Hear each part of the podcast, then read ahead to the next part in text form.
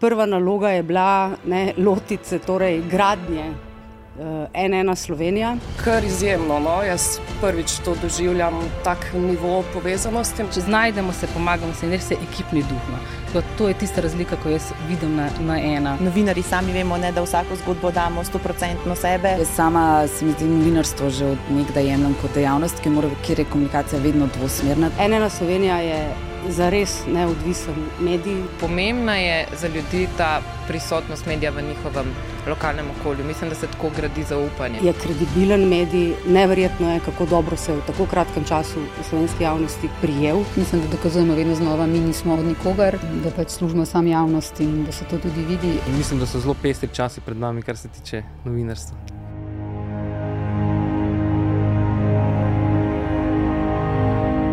Spoštovane gledalke in gledalci, poslušalke in poslušalci, tole je NN podcast. Z mano je danes kot sovoditelj Miha Orešnik. Živijo. Živijo. Hvala za povabilo. Hvala, da si nisem imel, dolge, nisem imel dolge poti z druge strani studija. Ta fora je že malo znuca, ampak v redu. Že enkrat povedal. Enkrat si že rekel, vetru, ja, v redu je. Um, tole je posebna izdaja NN podcasta, je tako? Uh, specialka, tako imenovana. Uh mhm, -huh, zakaj? Uh, namreč v kratkem ena Slovenija praznuje dve leti, odkar smo lončali, bi rekla naša šefica, torej odkar smo zagnali spletni portal enainfo.si in ker smo v teh dveh letih v bistvu že pustili, bi rekel, kar precejšen pečat na slovenskem medijskem prostoru in glede na to, da uh, tega portala ne tvorimo samo mi trije, ki smo, bi rekel, mogoče najbolj vidni, najbolj izpostavljeni se nam je Suzano zdelo prav, da ljudje, ki nas spremljajo, in vedno več je tistih, ki nas spremljajo, spoznajo tudi vse ostale ustvarjalce tega portala. No, ideja je bila kar tvoja, to že moramo povedati. A, a boš špico naredil, tako ponavadi, kot tvoj glas je tisti, ki v podkastu uh, špico naredi? Misliš, en ena podcast, Suzano Lovec. Tako je, en ena podcast z Miho Rešnikom. Um, mi dva se bova izprašala uh, na koncu Just tega podcasta. Sam to ti povem, že takoj na začetku, ful imam stvari. Zate. Tudi jaz, to, da ja. bojo čakali. Ampak zdaj pa? Zdaj pa. Naša šefica, Katja Šeruga, urednica in direktorica NN Slovenija. Z gostom. Z gostom. In tako bomo povedali, kdo oziroma kaj, kaj ta gost je, celo svoj mikrofon ima. Prvič je na televiziji. Zato mu oprostimo tremo. Znotraj NN je v bistvu že skoraj ponarodila ta tvoja zelena mapa, oziroma ja. če smo čisto natančni, gre za fascikl, ja. ki je tako obsežen, da že lahko mogoče šteje kot orožje. Ampak ta fascikel je bil v bistvu na ja. začetku, več kot dve leti nazaj, vse, kar je ena ena Slovenija sploh imel. Ja. Uh, torej, kot rečeno, je s tabo, ima svoj stol. Uh, zakaj je tako slaven in kaj vse je v njem? Ja. Um, ko smo uh, sestavljali ta projekt, um, od, uh, torej jaz sem prišla uh, 15. januarja, kjerega leta? 22. 22 mhm. hvala. 22, torej, 21. 21, okay, 21, se veš, da datum letnice, da. če zadanem, super. Uh, skratka, uh, in takrat ni bilo res nič, ne? ni bilo ekipe, ni bilo prostorov, nič ni bilo, bila je samo ideja, bil je nek koncept v glavi na papirju, uh, bil je stroškovnik, to je že bil. Uh, Um, in bil je čas res trde korone. Uh, in seveda, ne, prva naloga je bila ne, lotiti se torej gradnje uh, ena Slovenija. Uh, in jaz nisem imela, torej, nisem imela pisarne, nisem imela nič sestanke z nekaterimi ljudmi, sem upravljala kar v svojem avtu, uh, ker se nismo imeli kam dati. Uh, in na neki točki so se začeli nabirati dokumenti, ne, pogodbe o zaposlitvah in podobno. Uh, In tudi tega nisem imela kam dati, in potem sem šla v Štacuno in kupila ta zeleni fascikl, ki je torej uh, dejansko ne, prva taka res uh, materialna in uprijemljiva stvar, ki jo je ena Slovenija imel. Temeljni kamen, tako rekoč. Temeljni kamen, tako rekoč. In, um, Uh, vedno je uh, z mano, zdaj uh, domuje v moji pisarni v eni omari. Uh, in v njem so v bistvu uh, najlepši dokumenti tega projekta, uh, pogodbe o zaposlitvi. Ti si. Ne, ti si Suzana. Šit, sem res. Zares. Prvič, eh, prvič so skupaj, ne? V resnici. Uh, ja, res. Ja, nismo še usklajena. Ti si. Uh, kako gledaš uh, torej na enena uh, dve leti po, nekaj več kot dve leti po tem fasciflu, kako gledaš na to prehojeno pot, uh, kako se razlikuje ali, pa, ali se sklada to, kar zdaj ena je, uh, s tem, kar je bilo mišljeno, ko je fascikl nastajal? Uh, te, te dve leti sta minili res uh, zelo, zelo hitro. Pač, ne, prve pogodbe o zaposlitvi, ki so se pač nabirale tukaj noter, so pogodbe, rečemo temu, ustanovnih članov, ne, ena Slovenija. Uh, torej, tudi vaju, uh, ne da je vida, se pravi, to, kar je danes pravzaprav uredniško srce, ne, ena, Slovenija. Vi ste bili prvi uh, poklicani, uh, da ste torej, ne, prišli v ta fascikl. Um, in potem smo skupaj lahko začeli uh, pač kreirati ta res fantastičen projekt. Uh, meni je nekdo, ki mi je zelo pomemben uh, na neki točki te prehojene poti, rekel: Vsako jutro, ko se zbudiš, si reči, da si v medijskih nebesih. Ne? In to je res. Ena Slovenija je za res neodvisen medij, uh, je kredibilen medij, neverjetno je, kako dobro se je v tako kratkem času v slovenski javnosti prijel. Mi smo, tudi vidva se boste tega spomnila, ne? naše debate na začetku so bile. Uh, taki neskončni brainstorming, ampak vsi smo vedeli, da je prostor za medij takega tipa, kot ga, kot ga mi danes dejansko tudi ustvarjamo in se z njim javnosti vsak dan znova dokazujemo. Mi smo to vedeli, čisto intuitivno, kot ljudje iz uh, prakse. Um, ampak, seveda, ne, dokler se projekt ni zagnal, nismo mogli vedeti, kako se bo prijel ali pa se ne bo prijel. In prijel se je fantastično. Ne. Torej, uh, število naših bralcev, ki smo ga mi dosegli v samo dveh letih, je res neverjetno. Uh, naša rast je uh, v primerjavi z lanskim letom ne, 53 odstotna, kar je res lepa številka. Torej, ne, vsak dan znova pa seveda javnosti dokazujemo, da smo to, kar smo tudi obljubili, da bomo, torej verodostojni. Uh, zapriseženi dejstvom, um, um, kredibilni, Neodvisni. neodvisni, predvsem neodvisni, tako je in to res ni floskola. Ja, mi nismo od nikogar, to je pač DNK. Uh, tako In in to se tudi vidi.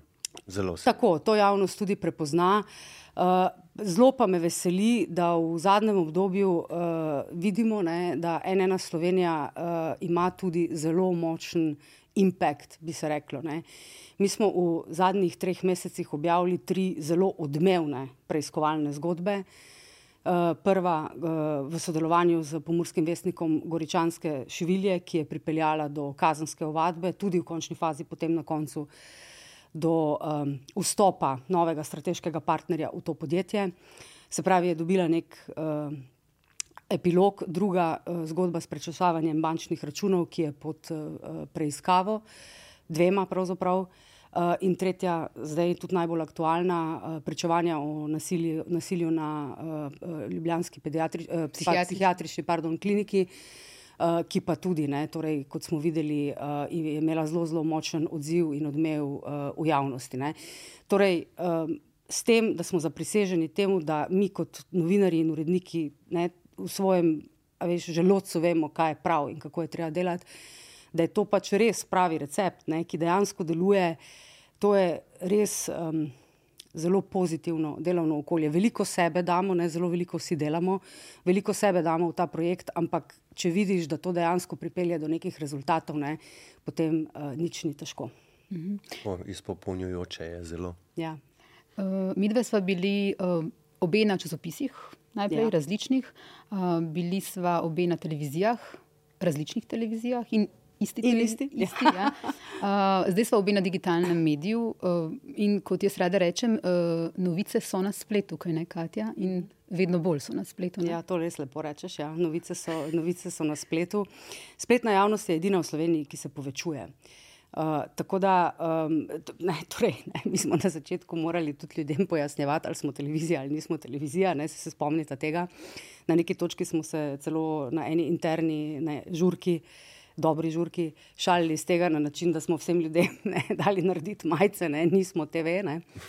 Uh, to je povzročilo kar nekaj zmede, še danes ljudje sprašujejo, ne, kdaj boste televizija, kdaj boste televizija. Ne. Ampak to predvsem zaradi tega, tudi verjetno, eh, ne samo zato, ker nekateri prihajamo iz televizije, ampak tudi zaradi tega, ker so močno znane, uveljavljene in cenjene ne, en, ena televizija uh, po Balkanu, torej Srbiji, Bosni in na Hrvaškem. Seveda, ampak koncept za Slovenijo je bil, uh, torej vsaj štartati ne, z digitalom. Uh, in tukaj smo nekako spet vsi slutili in čutili, seveda, delali tudi analize, da je pač to prava pot. Ne? In uh, tudi, to je, tudi to se je potrdilo, vendar ne, splet, kot ga delamo mi, ne, zelo, bi rekla, meša formate. Ne? Uh, in uh, jaz mislim, da je to prihodnost. Ne, da mislim, vem. Ja, tudi vse kaže, uh, da gre v to smer. Če se mogoče um, ustavimo tudi pri vsem, kar se je dogajalo v teh dveh letih, mrskaj smo dali skupaj čez, eh, mrskašne borbe smo imeli. Dobre žurke. Uh, dobre žurke, ampak. Uh, si rekel borbe. ja, borbe v smislu, zato, ker moja naslednja misel je, da v žaru borbe, Katja, si ti enkrat, ja, si ti enkrat šla na mizo. Ne? Ja, že vem. Uh, se mi zdi, da je tudi, tudi ja. taka ponarodila skoraj toliko kot tale tvoj ja. fascikel, je ja. to, da si enkrat v žaru te borbe šla na mizo. Uh, ja, bili so protesti, ne? ti si bil zunaj. Uh, to je, ja. to je, uh, recimo, tukaj smo orali ledino. Ne? ko so začeli, uh, ko so začeli veliki protesti v Ljubljani, smo mi bili prvi, ki smo šli v spletni stream. Miha je bil na terenu med uh, ne, protestniki, sozivcem, policisti in vsemi ostalimi in je v živo poročal ure in ure o tam. Uh, kar so bili res, verjetno, ne, uh, eni od bolj izjemnih trenutkov v tvoji karieri, in takrat so vsi opazili, uh, in upravičeno, ne, kako v res razgreti situaciji, uh, ki je popolnoma nepredvidljiva in ne veš, kam bo naslednjo sekundo uh, uh, odvila, ti ohraniš mirno kri. To je res uh, ne, taka velika tvoja kakovost. Ne. Ti si bil popolnoma miren, fokusiran, ne, kljub temu, da je okrog tebe vse divjalo. Ne. Se, če bi takrat lahko kdo v moje možgane videl, ja. ne bi videl takšne mirnosti, ampak ja. glavno je, da ja, ja, pride res, to. Ne. Res, res. Um, no, in ne, uh, seveda, to, to so, ne, mi smo pač bili prvi, ki smo te proteste začeli v živo prenašati na spletu z novinarjem na terenu in tako naprej. Uh, Uh, in v nekem trenutku uh, smo za social rabili en dober uh, kader uh, vodnega topa, ki smo ga takrat, mislim, da prvič videli tisti večer na tistih protestih. In jaz nikakor drugače nisem mogla do te fotke, do tega posnetka, eh, tega vodnega topa, kot tako, da sem skočila na mizo in ga pač posnela tam z enega ekrana. ja, ker, da, ker da pojasnim ne, za gledalke in gledalce, um, v našem desku pač imamo ekrane, ja, na ja. katerem mi vidimo tudi, ko, ko, v bistvu, ko, vedno, ko imamo stream, ne, ko imamo prenos, uh, vidimo, kaj se dogaja na velikem ekranu. In na ta ekran si v bistvu tako ciljala, ne? ne? Ja, in pol je itak ne, nekdo to fotkal. Ne? Ta fotka je bila kar viralna znotraj redakcije, ne? ker bi jo gladko zamenil s kakšnim dobrim žurom, ne? ampak ni bil. Ne?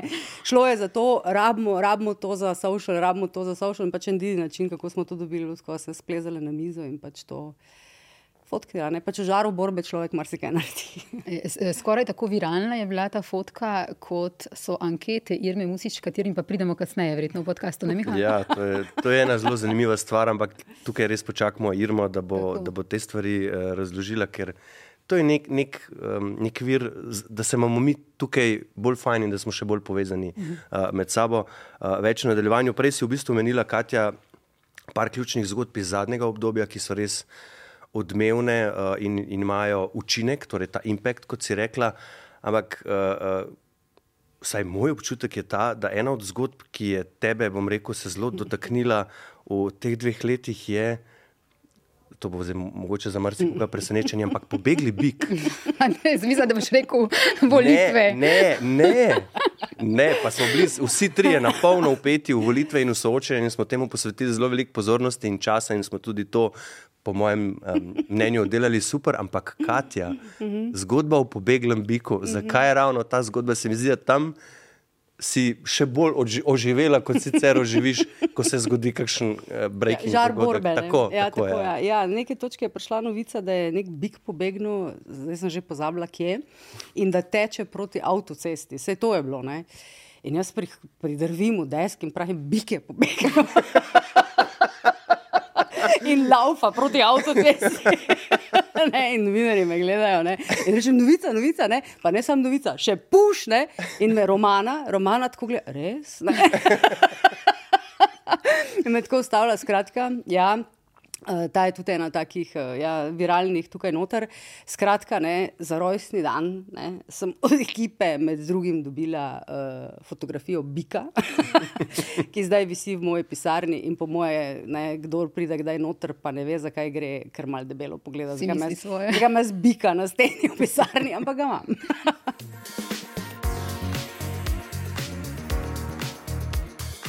Romana Vilegerjevič in Neža Pušnik. Uh, Romana, ti si bila na tistih najhujših protestih uh, z Miho Orešnikom našim. Ne? Videla in slišala si vse kot novinarka zraven, sodelovala si uh, v teh streamih, ki so jih ljudje množično gledali pri nas na NN. Uh, kako se recimo tisto delo takrat na terenu razlikuje od tudi drugega dela, ki ga delaš kot novinarka, recimo v Desku ali pa kot redaktorica v Desku? No, mislim, da so neke razlike zelo očitne. Ne? Um, Zdaj v desku, pa vsi, ki delamo v desku, pa kot redaktorji, smo ponovadi kar malo prikovani za mizo, pa za računalnik. Medtem ko smo takrat v tistem obdobju prehodili snemalci, ne vem, pol Ljubljane, več kot pol Ljubljane, tako da to je recimo ena razlika. Um, se mi pa zdi, da se da tudi veliko sporednic nekako potegniti v smislu, da se je pokazala neka neka moč sodelovanja, pomembnost komunikacije, ki je še zdaj v tem vsakdanjem delu pomembna, uh, pa tudi neka potreba po hitrem odzivu, po hitri re, re, reakciji.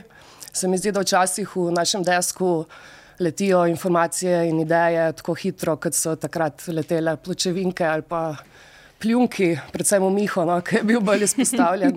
Tako da neka ta hitrost se pa, se pa ponavlja. No. Kleti pač nihče ne streže po življenju v tej redakciji. Tako, to je res. Ja. Se moraš pa isto hitro obrniti. Mislim, da si lepo do, dobro si opisala to, kako uh, so v bistvu um, ta povezanost, kako je pomembna, ne? kako vsi deli naše redakcije, vsak je za, za nekaj izjemno pomemben. Ne? Ja, res je. Ja. Res je. Neža, ti si pa v bistvu um, šla od nas in prišla nazaj. Ja. In o tem odprto govoriš. Um, novinarstvo ima v bistvu svoje prednosti in svoje slabosti, kot se to mogoče sliši tako. Uh, ne oguljena fraza, ampak dejansko je tako. Kakšni so bili v bistvu tvoji razmisleki ob tem? Ja, to se lahko hitro sprevrže eno tako psihoterapijo, ampak. Bring it on. ja, jaz sem imela malo krizo identitete, ker je pač novinarstvo, to je tudi oguljena fraza, ampak nisem služba, ni 9 to 5 job. In sem bila na takem razpotju, da bo to nekaj več za mene, res hočem v bistvu tako velik del svojega življenja posvetiti temu, ker vedno sem novinar, svoj poslanec, ampak res ne moreš ti kar izklopiti tega in sem glavno, ah, sem jaz to ali nisem. In sem v bistvu kar mal pobegnala od tega, tako da to je mogoče slabost novinarstva, da pač nisem služba. Mogoče to komu čar, ampak za mene je bila takrat to tista tipping point, da, da v bistvu sem šla stran. Da je lahko to zelo obremenjujoče Ja, ne, ja. za vse nas. Ja, Sej se v bistvu vsi preizprašujemo mm Mhm. -hmm. na nekih določenih točkah v življenju te stvari in to je po mojem čist človeško in normalno. Ne? Ja. Ampak sem polkar hiter to izpeljala, šla pač v tistem momentu, ko je bila kriza in tudi dosti hiter prišla nazaj. a ne. Um, In zelo smo bili veseli, da si prišla nazaj. um, Romana najbolj, ko je zdaj Jaz sploh ja, sosedi. mi da si deliva mizo in moram reči, da me vsak dan malo razveseli. No. Je lažje, lažje priti. Uh, kako pa smo pokonektani ali pa ste pokonektani novinari na NN? Kako se to čuti? S Mislim, da kar, kar izjemno. No. Jaz prvič to doživljam tak nivo povezanosti med, eh, med sodelavci, večino sodelavcev bi lahko rekli. ne. Mm, Kar je zelo lepo, da se spletajo neke vezi, ki so širše od samo delovnih, kolegijalnih odnosov, ampak tudi so prijateljske veze. Po mojem, če se kdo odloči, da gre kam drugam, da nadaljuje neko drugačno pot, bomo še vedno ostali uh, prepleteni. ne, Ja, stikih, res je, ja. ostali smo v stikih s temi, ki, Ja. ki so šli. Ja. Um, lepo se sliši no, to, da, da je je tudi nekaj izven novinarstva, kar nas povezuje mm. na eno. Mm. Po mojem je to kar povezano s tem, da, smo, da nismo prišli v neke uh, ustaljene odnose, ustaljene um, dinamike, ampak smo to vzpostavljali sami od začetka. Tudi če je kdo prišel malo kasneje, je še vedno bil del nekega nastajajočega projekta. Mm. Obenem nas je veliko prišlo iz nekih prekarnih delovnih odnosov, mogoče so bile to naše prve zaposlitve kar je, so, je veliko nekih uh, specifičnih skupnih točk. No. Se mi zdi, da je to pripomoglo. Uh, in veliko ljudi se je v bistvu tukaj prvič uh, spoznalo, ne? nismo se vsi poznali. Ja, večina, no, imamo nekih bivših sodelavcev od Prejana, ampak. Ja, tako je rekla Romana, v bistvu se je kar sestavil ta mozaik, kot rada reče Katjana, ampak je se kar zelo uspešno se sestavljalo na nek način. No. Najbrž je bilo to eno od ključnih dejavnikov ali pa razmislekov, ki si jih upravlja, zakaj v bistvu prijeti k nam nazaj. Ja, mislim, že zato sploh sem res komišla eh, in definitivno je to glavni razlog, da sem prišla nazaj. No.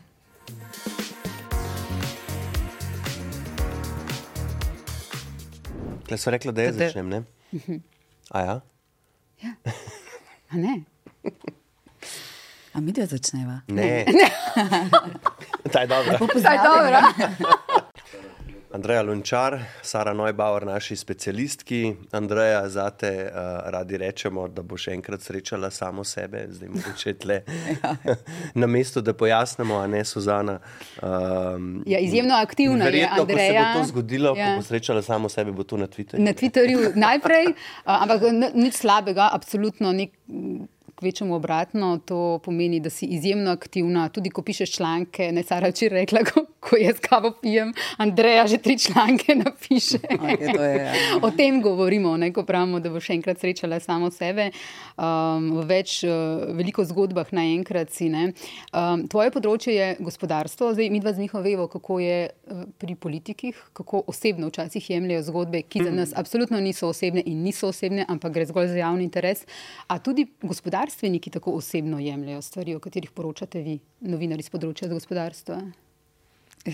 V bistvu, če pogledate, a ja, najprej to, eh, glede Twitterja, sem uh, pričakovala kakšno pripombo. Ja, in, ampak ti moram reči, da sem pogledala, da šefica me še sledi. Da, uh, mislim, da, lahko, uh, da to je ena potrditev, da je še vse v mejah normale. Ampak v bistvu, prosti, to, kar smo hoteli podariti, je to, da v bistvu ne glede na to, koliko ljudi te tam nagovarja, ti piše, te nekaj poziva, ti si tako za vsakega vzameš čas in tako potrpežljivo, prijazno, prijazno razlagaš stvari, tako da jih pač vsi razumemo.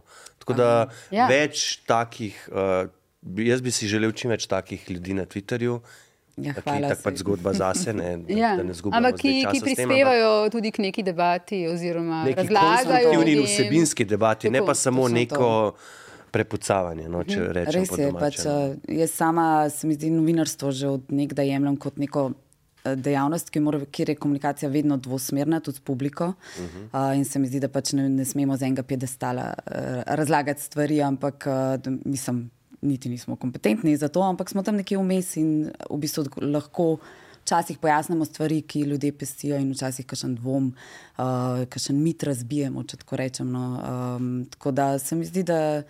Um, ja, veliko je enega balasta na Twitterju, ampak jaz osebno se tudi dosta naučim na Twitterju. Mhm. -huh. Dejansko so gor tudi ljudje, ki so zelo kompetentni in veliko uh, pametnega napišajo. No, mhm. -huh. Kako pa je s tem, kar sem vprašala? Ali se gospodarstveniki ja. tudi tako razburjajo ali pa osebno jemljajo stvari, ki v bistvu so naše delo? Se mi zdi, da če najprej to, no, da če zadnji let pogledam svoj del, da sem tudi jaz v bistvu veliko več komunicirala s politiki kot gospodarstveniki, uh mhm. -huh. ker smo pač v obdobju draginje, tema inflacija, tema energetska kriza in tukaj je bilo precej več um, um, odločitev pač na, na nivoju politike. V bistvu usmerjale, kako bo delovalo gospodarstvo, so bile zelo pomembne in smo se na to, se mi zdi, da so se osredotočali. Tako da sem tudi jaz spoznavala to uh, osebne, uh, ta, to, ta pač um, te zamere politiko ali kar koli. No.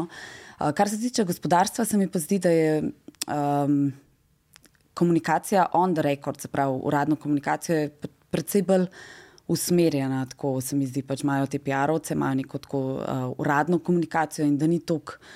Priložnosti, oziroma tako, da bi pač neki zavil v kakšno smer, kjer bi bilo mogoče kakšno kakšna neprijetna situacija ali karkoli. Zelo kontrolirano. Um, v bistvu. kontrolirano, ja, se mi zdi, da precej bolj kot kar. Ampak, ko uh, se v ofu z njimi pogovarjaš, ne, je pa čist nekaj drugega. Ne? Seveda, ja, tako, uh, je pa, je pa drugače, ampak se mi zdi no, tudi, da je, uh, da je vseeno več samo kontrole, ali kako bi rekla, pri teh ljudeh, kot kar uh, v politiki, no, kjer doskrat pridejo izjave ven, ki so mogoče malo bolj delikatne in tako naprej. No. Ali lahko jaz nekaj povem o Andrejnih člankih? Ja. to ne, da so. Um, pogosto so te ek ekonomija, poslovni svet, finance, to pogosto pač poročajo prav specializirani mediji za to in specializirani novinarji. Pogosto je to tudi namenjeno tej poslovni, finančni, ekonomski javnosti. Ne. Um, običajni. Običajna javnost, običajna, ne izobražena v tej smeri, ne, pa pogosto te članke kar izpustine. Zato, ker rečemo, tega jaz itak ne razumem, to se mene ne tiče. Ne. In Andrejni članki so pa napisani tako, da tudi če ti nimaš pojma, kaj so kapitalski trgi, pa kaj so delnice, vidiš točno, kaj je zgodba, vidiš, da gre v zadnji za, ne, da gre vedno za denar, razumeš, kako to vpliva lahko na te. In um, to se mi zdi pač še ena prednost enega portala, to njeno poročanje. Hvala. Lepo, Ampak ne? a, jaz, jaz bi pa to rada rekla. No, se mi zdi tudi na Twitterju bilo v zadnjem letu doskrat izpostavljeno, ker res pač veliko tvita mi je bilo tako nekako ene pohvale, ampak a, v bistvu jaz tvitam članke ena, na Twitterju počasih zgleda, kot da jaz naredim cel ena, zato ker pač ljudje ne, mogoče ne opazijo. Boljše je avtorja, ampak- povedala, kaj jaz. Se mi zdi, no, da je tako, pač, a, da imamo res ful dobre novinarje in zgodbe o nutrijah, medvedih in ne vem kaj. Tako mislim, ker res to, to kar Sara dela, se mi zdi res, so ful pomembne teme. No, tako pač vse je ekonomija tudi, pa, to je neko ozadje, ampak a, te družbene teme so zelo, zelo, zelo pomembne. In Seveda, se tudi, tudi mi je všeč, da jih je ena ki se Vlada na najvišji ravni se zdaj s temi stvarmi kar intenzivno ukvarja. Ne, Res je. pripomniti. Uh, s- K- eh, Hodila sem to reči, da ne Ja. ja. smemo pa pozabiti še na Aljošo, ne, ki ga danes tukaj ni. Zaradi veselega dogodka. Aljoša Ja. ja. tudi pokriva gospodarstvo, tako kot ti in je tvoj cimer. Ne? Aljoša je, Črnko. Ja, ja Aljoša Črnko je naša nova pridobitev. Eh, Jaz sem bila zelo vesela, da smo v bistvu eh, Razširili. gospodarsko redakcijo razširili eh, na dva člana. Ja, Aljoša pa tudi podjetniške teme. Uh, se mi zdi, bančništvo ga zelo zanima, tako da um, super dela no tako. In se mi zdi, je prinesel nek svež veter, ki dodaja vsebine in vsake take te podjetniške zgodbe sploh dajo pač tudi neko. Um, nek ta vibe, ki včasih mogoče malo manjka, da se v slovenskem gospodarstvu dogajajo zelo pozitivne stvari in da je tukaj veliko zgodb, um, zelo takih um, uh, ljudi z veliko vizije in tako naprej, no, dobrih projektov. Ja, a Sara, ti si pa v bistvu k nam prišla z televizije, ne? nisi edina. Mi pa sva še dva taka. Ne? Samo jaz nisem. ja. A so, te, a so res, ker me, mene niso, ne? ampak a so tebe res sprašvali, kaj ti greš z televizije na splet? Si res tako vprašanje dobivala? Ja, sem mislila, da so vajo tudi, no, ampak. Um, Televizija je še vedno nek medij, prvi medij. Ne? Na televiziji te ljudje vidijo, in potem so bila vprašanja, zakaj pa greš z televizije. Televizija je vendar televizija. Ne? In kam pa greš? Greš pa na internet. Ne, internet, kaj pa je to, nekje te bomo pa lahko zdaj gledali. No, ampak um, ena ni samo časopis na spletu, ampak je res multimedijski portal, to je ena taka fancy beseda, ne? ampak uh, pomeni pa to, da v bistvu mi bralcem, gledalcem in ne, tudi poslušalcem, recimo pri podkastu, um, lahko ponudimo vsebine v različnih oblikah. In vse te oblike so pomembne. Ne? Jaz uh, hodim in pač tudi moji kolegi uh, hodimo na teren, hodimo snemati prispevke, reportaže.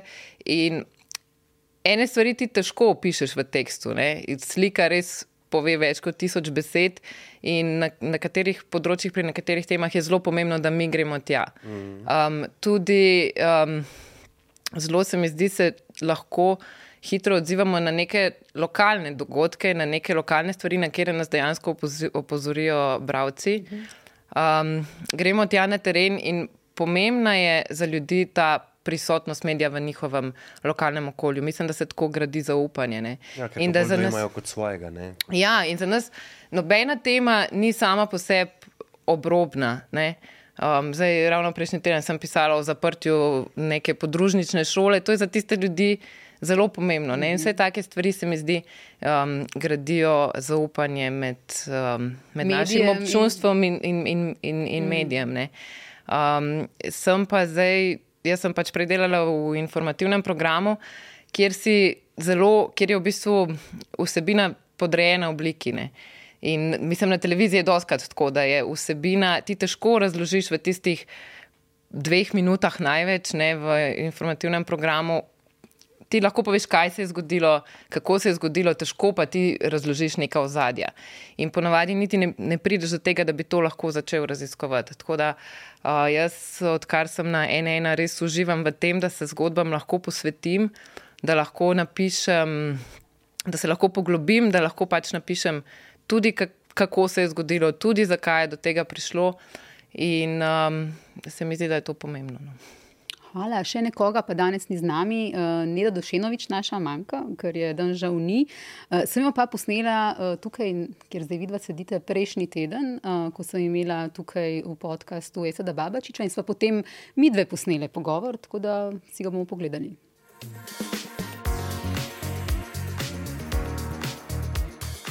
Neda, ti si pri nas šefica deska, ti si dnevna urednica. Uh, tvoja služba je v bistvu, da si ljudje lahko predstavljajo. Ti si tista, ki organizira dan v desku, torej v dnevni redakciji. Ti imaš pod nadzorom vsta dnevni pogon, to je množica dogodkov, um, ogromno dogajanja, člankov, prenosov v živo vsak dan. Kako bi bralcem ali pa gledalcem ti sama opisala, kaj je tvoje delo, kaj ti počneš? V bistvu je zelo težko. No. Jaz še novinarjem težko razložim, kaj jaz delam. No kaj šele nekomu, ki nima pojma o novinarstvu. Ampak načeloma je tako, da jaz poskrbim za vso organizacijo. No. Jaz skrbim za to, da vse stvari laufajo, jaz skrbim, da takrat, ko je nekaj narobe, to rešimo, mirno, kar se da. Tako, no, pač odločam se vsak dan, kaj bomo delali, moj dan se začne zelo zgodaj zjutraj, to veš. Ja. Um, sicer je to malo pogojeno s tem, da sem jaz bolj jutranja oseba, ne bi vsak bi bil na tej poziciji tako delal to. Jaz pač to tako delam, da zgodaj zjutraj vstanem in da sem do sestanka pač že pripravljena. Sestanek imamo ob pol devetih zjutraj. In potem se tak, takrat zmenimo, kaj bomo delali, in ko je sestanka konc, ko ima pač drugi prvo kavo, prvi čik, imam jaz že tako, kosilo, kosilo bi jedla. No? takrat sem že na pol delovnika in demo kosilo, počasi bi šla. No? Sicer potem ne grem, no, starem, ampak ja, to je pač moj dan in organizacija, to je moje delo. No? Uh mhm. -huh. Eh, kaj od tega, kar počneš, je pa recimo konkretno m, najljubše, pa kaj ti je najtežje? Tako iskreno. Mislim, kar počnem, da mi je full fine je v bistvu to, da delam z ljudmi, s katerimi delam. No. Uh, jaz nikoli nimam smoka v grlu, prej grem v službo, kar se mi zdi full prednost te službe. Nikoli mi ni, oh, zdaj pa s tem delam, ker so mi res vsi všeč na tej ravni, da se imamo fajn v službi. No. To mi je najboljši del, ljudje no, tukaj noter. Najtežje je pa v bistvu spet povezano z ljudmi, s katerimi delam, to sestavljanje urnika. To v bistvu vsi, ki me spremljajo na Twitterju, vejo, da vsak mesec sledi sestavljam urnik in moj najljubši gif in to je to. No, lahko pogledate, pač to resno. Sestavljanje urnika, to mi je pa nočna mora. No. Um, ti si bila uh, del te res, res najožje ekipe, ena prvih, ki so se, ki smo se pridružili, ena, ena pred več kot dvema letoma. Torej. Uh, kako se spomniš tistih naših prvih sestankov ali pa še prej? Kako se spomniš tega skoka, skočiti v en nov slovenski medij, ki ga v bistvu tukaj še valjda ne ni bilo? Mm -hmm. Ja, v bistvu jaz, um, če se spomnim tistega obdobja, je ful zanimivo, da se ne spomnim stresa. Uh -huh. Pa ne vem, ali je to zaradi tega, ker potem sledilo leto, v katerem smo res veliko delali, ker prvo leto portala in je potem sledilo super volilno leto, ker smo spet ful veliko delali. Tako da res mi ni bilo stresno obdobje, zdaj pač ne vem zakaj, zdaj v spominu ga nimam kot tega. Zdi se mi, da mi je bilo takrat zelo zanimivo. Uh. -huh. Ko sem se odločila, ali ja ali ne, je v bistvu pretehtalo to, da nikoli, verjeten, kot novinarka v slovenskem medijskem prostoru, ne bom imela priložnosti od nule nekaj postaviti. Moram reči, da Katja Šeruga je bila zelo skrivnostna glede tega, kdo je v ekipi, in jaz nisem vedela za nobenega druga, s katerim se dogovarjajo te ože ekipe. Ko sem jaz enkrat rekla ja, se pravi, prej sem imela pogodbo podpisano, je bila pa Katja tako fair, da mi je povedala za dve imeni in to sta bila pač ti in Miha Orešnik in moram reči, da takrat mi je zelo odleglo. Pa ne zato, ker bi se mi kaj poznali, mi se v bistvu nismo poznali prej, no, bežno no, se, na vide smo se poznali, s Katjo se nismo, Miha isto na vides. Uh, tako da ni zdaj to pretehtalo, samo vse mi je pa zdelo v bistvu kar fajn, da bom lahko delala predvsem s tabo in s Katjo, ker res, ko sem začela delati kot novinarka, sta bili dve že uveljavljeni novinarki, uno, top shit, ja. pač taki močni ženski. Starejši sva, ja, ja boljši stare, ampak res tako rasturali totalno in se mi zdelo tako, oh, wow, z Ja, njima enkrat bom si rekla, lahko da delala. se, enkrat si rekla, da si se me bala. Ja, pač strahu spoštovanje sem gojila. No. Ampak moram reči, da sem pa kar ponosna, da smo se pač ful dobro ujele in da na koncu ne samo, da sem se jaz veliko naučila od vaju, ampak sta se tudi videla nekaj od mene naučila. No. Absolutno. Tako da to se mi zdi kar tako. Absolutno. Fajn dosežek. Ker si ti uh, digitalni človek, ker si v bistvu v tem doma in plavaš tukaj kot uh, riba v vodi. Ja. In moram reči, da, se, da je tudi meni odleglo, ko sem vedela, da ti prideš. Um, Ne da vem, da si ti zelo pozorna na odnose v kolektivu, da se zelo dobro zavedaš, kako pomembno je predvsem v novinarskem kolektivu vseh, ampak novinarskih še posebej, kako so ti odnosi izjemno pomembni. Uh, in jaz tudi vem, da ti izjemno lepo skrbiš za odnose v našem desku. Je to nekaj, kar so te naučili, ali je to nekaj, kar je v tebi? Mislim, to so zdaj ful, lepi komplimenti, hvala ti. uh, moram pa reči, da to je verjetno prišlo z leti, no, kar sem delala. Zagotovo nisem bila vedno taka, zagotovo sem bila mladi zagon in kaj bom jaz vse in vse se mi je zdelo tako big deal in ne vem kaj. Zdaj sem se pa z leti naučila, da v bistvu najbolj pomembno je to, da se človek v službi dobro počuti. Zdaj, če je to kdaj na račun tega, da pač imamo manj kadra v službi, če je to kdaj na račun tega, da nekaj ni narejen, se meni to zdi tako majhna cena za plačati, za, da dobim nazaj en tak dober odnos v službi. In v bistvu res verjamem v to, da kar ti daš, tudi nazaj dobiš. In jaz v teh dveh letih na ena sem dobivala od mojih sodelavcev samo dobro nazaj. Se pravi, da očitno jim tudi jaz nekaj dobrega znam, ker se ne, ne bi bili taki do mene, če ne bi bila jaz taka do njih. Taka do njih no. res, eh, res smo v redu kolektiv in na to sem najbolj ponosna. No. Torej, videti v novinarju ali pa komerkoli najprej človeka, šele potem kaj drugega, šele potem novinarja. Mislim, sploh v spletnem novinarstvu se mi zdi. Jaz, ko sem začenjala, jaz sem začela takoj kot spletna novinarka, sem najbolj to pogrešala. No? Da sem imela, v bistvu sem imela občutek, da sem številka zelo dolg časa. In hočem predvsem pri teh mladih sodelavcih mojih eh, doseči, da se ne počutijo tako, da so ponosni na svoje delo in nasploh pa spletni novinarji v Sloveniji se mi zdi, da se počutijo tako, da so v podrejenem položaju.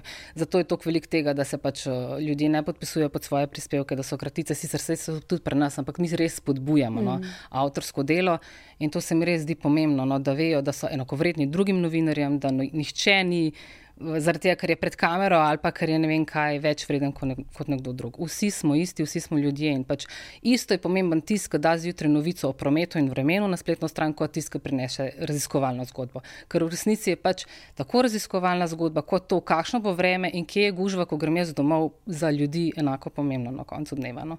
In to je res, kar ti praviš. Uh, spletni novinari so pogosto podcenjeni, uh, sploh v slovenskih medijih se o njih premalo sliši, um, ne dajo se jim nagrade, pozablja se na njih in, in to je nekaj, kar ni prav. Ne? Ja, mi se v bistvu doskrat zafrkavamo, da če bomo kdaj dobili nagrado, jo bomo dobili, če bo dal razpis za hitro tipkanje. Ker pač res je, spletno novinarstvo v Sloveniji velja za odskočno desko. In tja ponovadi dajo začetnike. Mislim, to je posledica tudi tega, da spletni mediji so ponavadi povezani z nekim tradicionalnim medijem. Ali gre to za spletno stran neke televizije ali časopisa, radia, kakorkoli. In je pač reči, ah, bomo ga dali na splet, potem pa če se bo izkazal, bo pa šel naprej. Ali pa so, in nažalost, to moram pač iskreno povedati, tudi lahko spletni mediji, mediji nek kazenski oddelek. -hmm. Tudi to sem pač že videla. In se, pač res se mi ne zdi prav. In po mojih izkušnjah se v bistvu novinari, dolgoletni novinari, ko pridejo na splet, zelo dobro odrežejo. Se pravi, ti na spletu rabiš kader, ki je zverziran, ki se zna obrniti, ki ve, koga poklicati. In to je to, kar mi na ena hočemo pač spodbuditi pri ljudeh in si res pomagamo. In je to, da imamo mlade ljudi in malo starejše, in je to sodelovanje. Pač nekateri so hitri pri tipkanju, nekateri so hitri pri klicanju, pač znajdemo se, pomagamo se in res je ekipni duh. No. Tako da to je tista razlika, ko jaz vidim na, na ena v primerjavi s kakšnimi drugimi spletnimi mediji ali pa mediji nasplošno.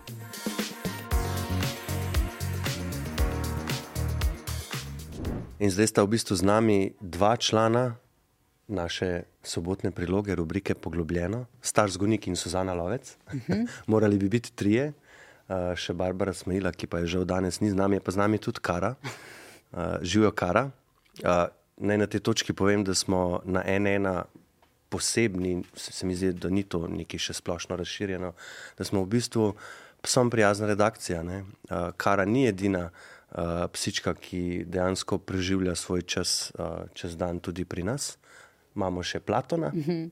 uh, ki ga ob tej priliki tudi zelo lepo pozdravljamo. Uh, najprej pa staš, um, glede na to, o čem si že vse pisal v rubriki Poglobljeno. Ne, uh, ne vem, če lahko zdaj na tej točki sploh naštejem vse te teme, ki si jih pokrival. A misliš, da je lahko katera koli tema poglobljena?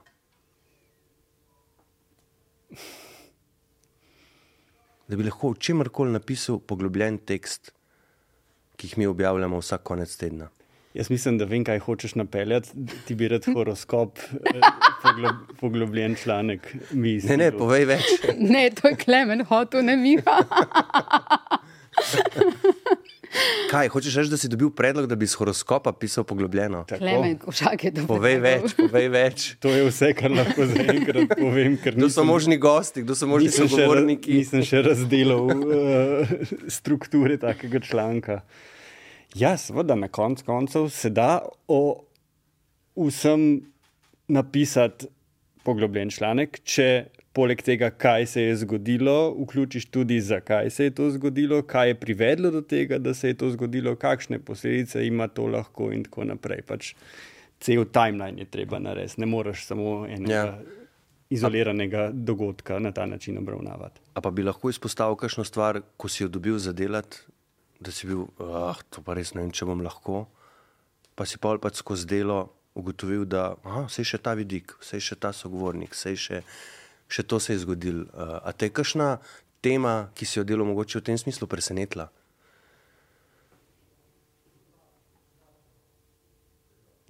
Na to bi se lahko res malo bolj pripravil. Ne, ampak bom jaz drugače vprašala. Um, jaz vem, kako je to težko, pa Barbara ve. Uh, ampak mogoče, če lahko ti v besediš, tukaj je treba dobesedno vsak teden doktorirati iz druge teme. In to je nekaj, kar človeka lahko fuliš črpa ker ti.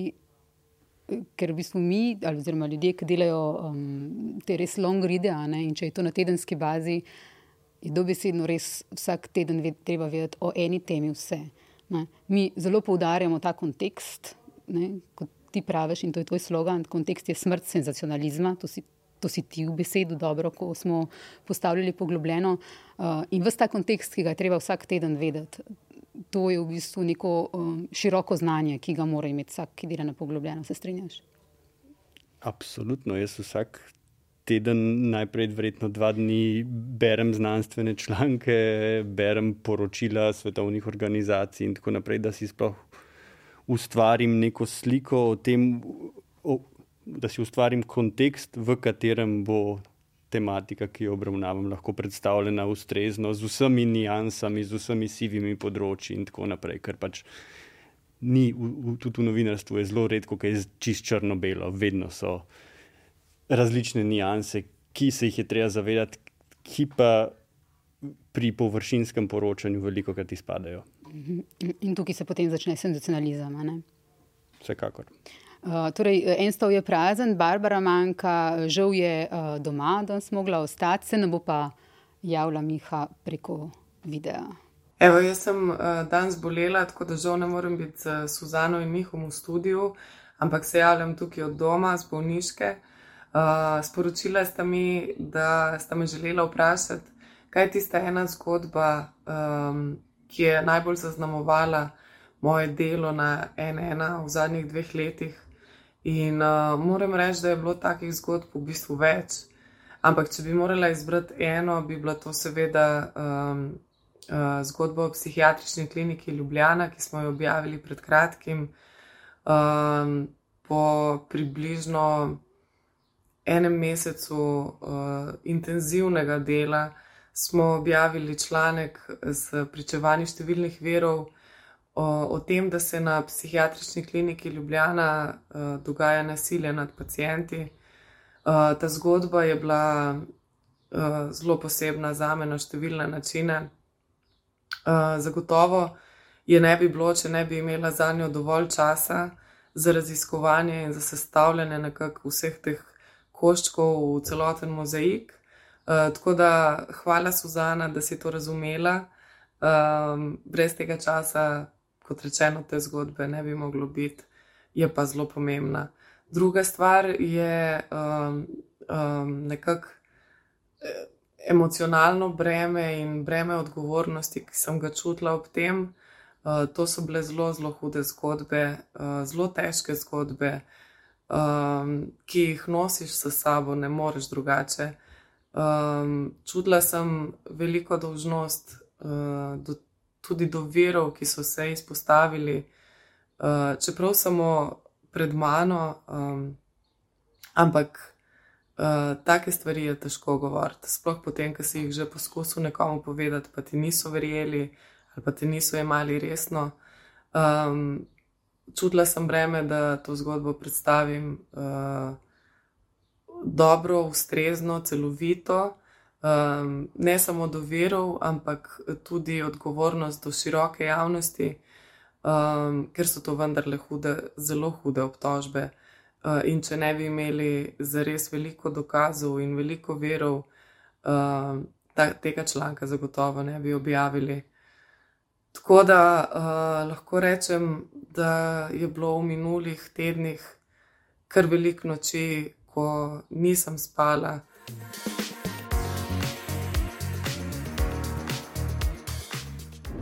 Irma Musič in Katja Miklaučič. Irma, če je kdo v naši redakciji naredil vzdušje, si pa to ti. Tudi ko imamo slab dan, tudi ko gre vse na robe, še posebej takrat, ko gre vse na robe, evo, če Irma tukaj pol, gre lahko še gor, um, je treba v novinarstvu ohranjati to pozitivno vzdušje. Ne? Mislim, to je zelo lepo slišati od uh, svojih sodelavcev, da vnašam pozitivno energijo. To Absolutno. me zelo veseli. Absolutno. Tudi jaz lahko potrdim. Ja, ja. um, ja v bistvu novinarstvo je zelo težek poklic, um, je zelo stresen, um, adrenalinski, predvsem. In večino časa v bistvu nikoli ne vemo, kaj lahko pričakujemo pač tisti dan ob začetku delovnega dneva. Uh, tako da situacije so zelo nepredvidljive, um, spopadamo se tako, kot se pač vsak lahko, jaz se s pozitivno energijo, smehom, zabavo.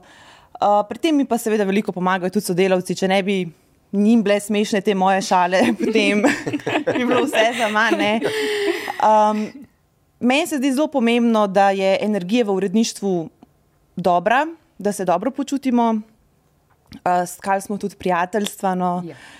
Um, med bolj zabavnimi stvarmi, ki jih počnemo v uredništvu, so tudi te uredniške ankete, kjer se med drugim skozi šale in šaljiva vprašanja nekako spoznavamo tudi en drugega. Da... Ti si glavna avtorica teh. Uh, ja, večino anket. Ja, večino anket res jaz naredim, no, ampak uh, zdi se mi to nek tak zabaven, sproščen način, da spoznamo en drugega, hkrati pa tudi, da ob stresu, ki ga pač prinaša ta delovnik, da se malo omaknemo. Vzamemo si minutko, da zadihamo, pa tudi se malo sprostimo, ne na zadnje. Samo da gledalkam in gledalcem uh, pojasnim, zakaj gre. To gre za ankete znotraj uredništva. Tako, včasih tako. Zelo, zelo zabavne, včasih vezane na vsebino, ki jo delamo, včasih pa, pa tudi. Včasih kakšna fotografija tudi ven uide, um, da, pove, da, tako, da tako. povemo. Kdo smo, ne, tudi prek, prek teh anket, ne, na nek način. Uh, kaj pa tvoja recimo, eh, zgodba, eh, ki ti je najzgodba tvoja, mislim o tem, o čemer si pisala v teh dveh letih?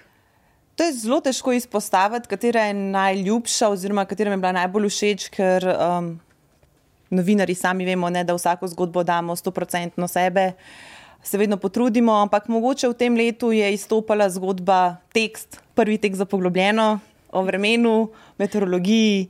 Uh, leto sem tudi napisala mogoče en tekst, ki je meni blizu o preširju njegovemu prijatelju Matiju Čopu in s pismi, ki sta si pač delila, potem seveda Floriančičev zemljevid, ki sem razkrila, da je pač prvič v slovenskem jeziku napisana uh, Gora Triglav. Tako da meni so blizu bolj te poljudne, um, poljudne teme, seveda letos sem pred kratkim zelo uživala tudi v pokrivanju Evrovizije, tako da uh, pri takih člankih uh, jaz mislim, da najbolj blestim. No. In zelo dobro si v tem, ja. Hvala. Katja, uh, ti pa si v bistvu naša specialistka za zunanjo politiko. Um, ogromno se je dogajalo v zadnjih letih, uh, sploh na tem tvojem področju.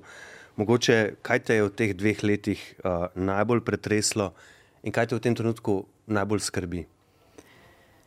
Kar me je pretreslo v smislu, oziroma kar me je pretreslo v službenem času, no, je en teren. Um, na mačarskem, ki je bil sicer namenjen pokrivanju predvolilnega vzdušja oziroma, oziroma merjenju predvolilnega vzdušja za poglobljeno. Na koncu sva z fotografom in snemalcem Denisom Sadikovičem pristala na meji, na mačarsko-ukrajinski meji, kajti ravno takrat se je v bistvu vojna v Ukrajini začela. Tako da ta teren mi je ostal, me, me je še posebej pretresel no, z vidika um, tega, koga sem tam spoznala, s kom sem se tam pogovarjala, um, pred kamero, za kamero, ker ti ljudje in njihove zgodbe, ki so jih takrat pripovedovali, so bile, mislim, človeka se dotaknejo, mm. absolutno. Um, vedno znova me pa pretrese še uh, novica iz Polske o smrti žensk, ki v bistvu tako blizu nas uh, umirajo ker za njihove reproduktivne pravice in reproduktivno zdravje ni poskrbljeno tako, kot bi moglo biti. Um, kar me skrbi, um, to, da ne bo boljš. Ne? Uh, kar opazujemo in v Sloveniji, in uh, v svetu, se mi zdi, da je ena velika, velika polarizacija. Um, tudi, recimo, zdaj nedavno so bile volitve v Turčiji, no, pa če se kar tja referiram. Vidimo družbe, ki so razdeljene na pol, ki polovica voli za nekoga, polovica za radikalno nasprotni pol. Uh, ta občutek, da govorimo en mim drugega, da se ne slišimo, da se nočemo poslušati, no, to, to, to je ena izmed stvari, ki me skrbi. No. Um, poleg podnebnih sprememb, kot mislim, da vse naše generacije, um, na, predstavnike naše generacije. In tudi zato je tako pomembno verjetno poročati o zunanji politiki, o tem, kaj se dogaja v svetu, ker so to v bistvu vse stvari, ki se lahko nas dotaknejo ali pa se nas že dotikajo. Ne? V bistvu ja, ker gre se za razumevanje, ne? da nismo en balonček ne? in da mislim, dogajanje v svetu ne sme biti pomembno samo takrat, ko je pomembno. Direktno in neposredno za Slovenijo. Ne? Tako da z tega vidika se mi zdi pomembno poročati o teh temah.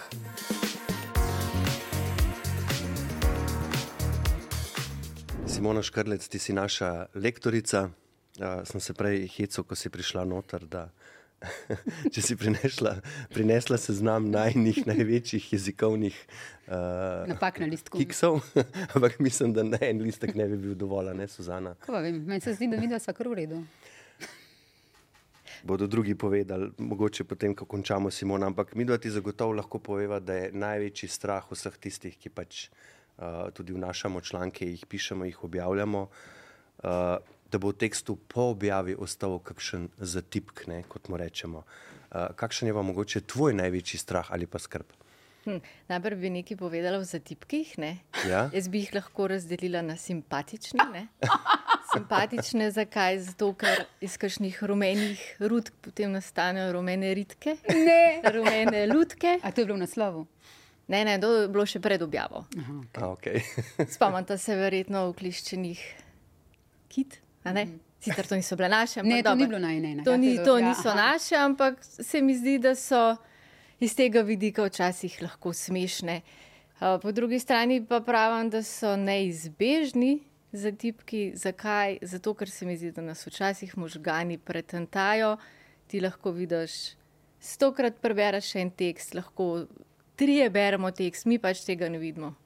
Tako da se mi zdi, da tudi bravci ne zamerijo -huh. za tipkov, sploh v daljših tekstih. Seveda, če imaš ti tri odstavke in imaš vsak odstavek za tipkan, je res to slabo in je težko tak tekst oddati, včasih pa se zgodi, treba je na hitro novico napisati.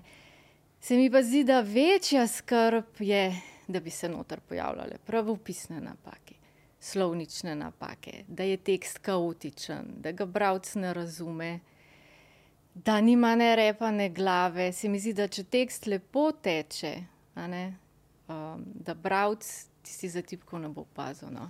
Se mi pa zdi najbolj grozen, da bi se mogel bralec vračati v samo besedilo, ker ne razume. No. Tako se mi zdi, da mora avtor popeljati uh, bralca skozi vsebino. Če pa kakšna napaka, se mi pa zdi, pač vsi jih delamo. No. Mm. Probamo se truditi, probamo jih odpraviti, ne gre pa vedno. No. Kar pa mene katapultira, včasih izpojsle, ki ste rekli, kaj mene skrbi, A tako bereš en ena ali druge? Ja, zato, ker me skrbi za en ena, Lepo, ne? ne. ampak me pa skrbi, oziroma za tipki, kjer se ne bi smel pojavljati, so pa definitivno naslovi, podnaslovi, pa slike in lidino. To se mi zdi, da je najbolj izpostavljen meni je grozen, kad to vidim, mislim grozen. Če se zgodi, mi oh, grozen, hiter moram poklicati ali pa pišem pol, no, tako da, to je to. V ta, pa- uh, to našo, ne, da po, po, povemo bralcem in gledalcem in um, Aha, slušalkam in gledalkam v našo signal skupino, ne, ti pač urgentno potem javiš, uh, da Tako se je je. pojavila neka napaka in jo potem uh, dežurni v desku. Drugače se mi pa zdi, da se na splošno se trudimo, Mhm. včasih pač ne gre, vsi imamo boljše pa slabše dneve, no, ampak se mi zdi, da poskušamo vzdrževati en nivo.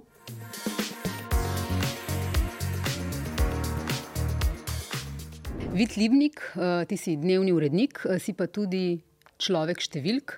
Velik del tvojega dela so tudi številke. Um, na, kaj naši bralci in gledalci pri nas na ena najbolj cenijo, kaj jih zanima, kaj berejo in kako to vemo? Ja, v bistvu najlažje bi bilo, če bi pogledali eh, lestvico najbolj klikanih novic ne, po ogledih strani, ampak v bistvu ne bi dobili odgovora na to vprašanje. Um, zato mi uh, na N1 uporabljamo en poseben algoritem, ki v bistvu poleg uh, tega podatka o tem, koliko je nek uh, članek gledan, klikan, um, upošteva še, kako globoko ga bralci preberejo, kako dolgo se tam zadržijo pa tudi recimo, uh, kako je privlačen za naše lojalne bralce Mhm. uh, in še nekatere druge metrike. Potem pa v bistvu ta uh, logaritem um, sestavi vse te podatke in določi eh, oceno članku od 1 do 1000 in v bistvu tako precej dobro vemo, kateri so tisti res najboljši članki.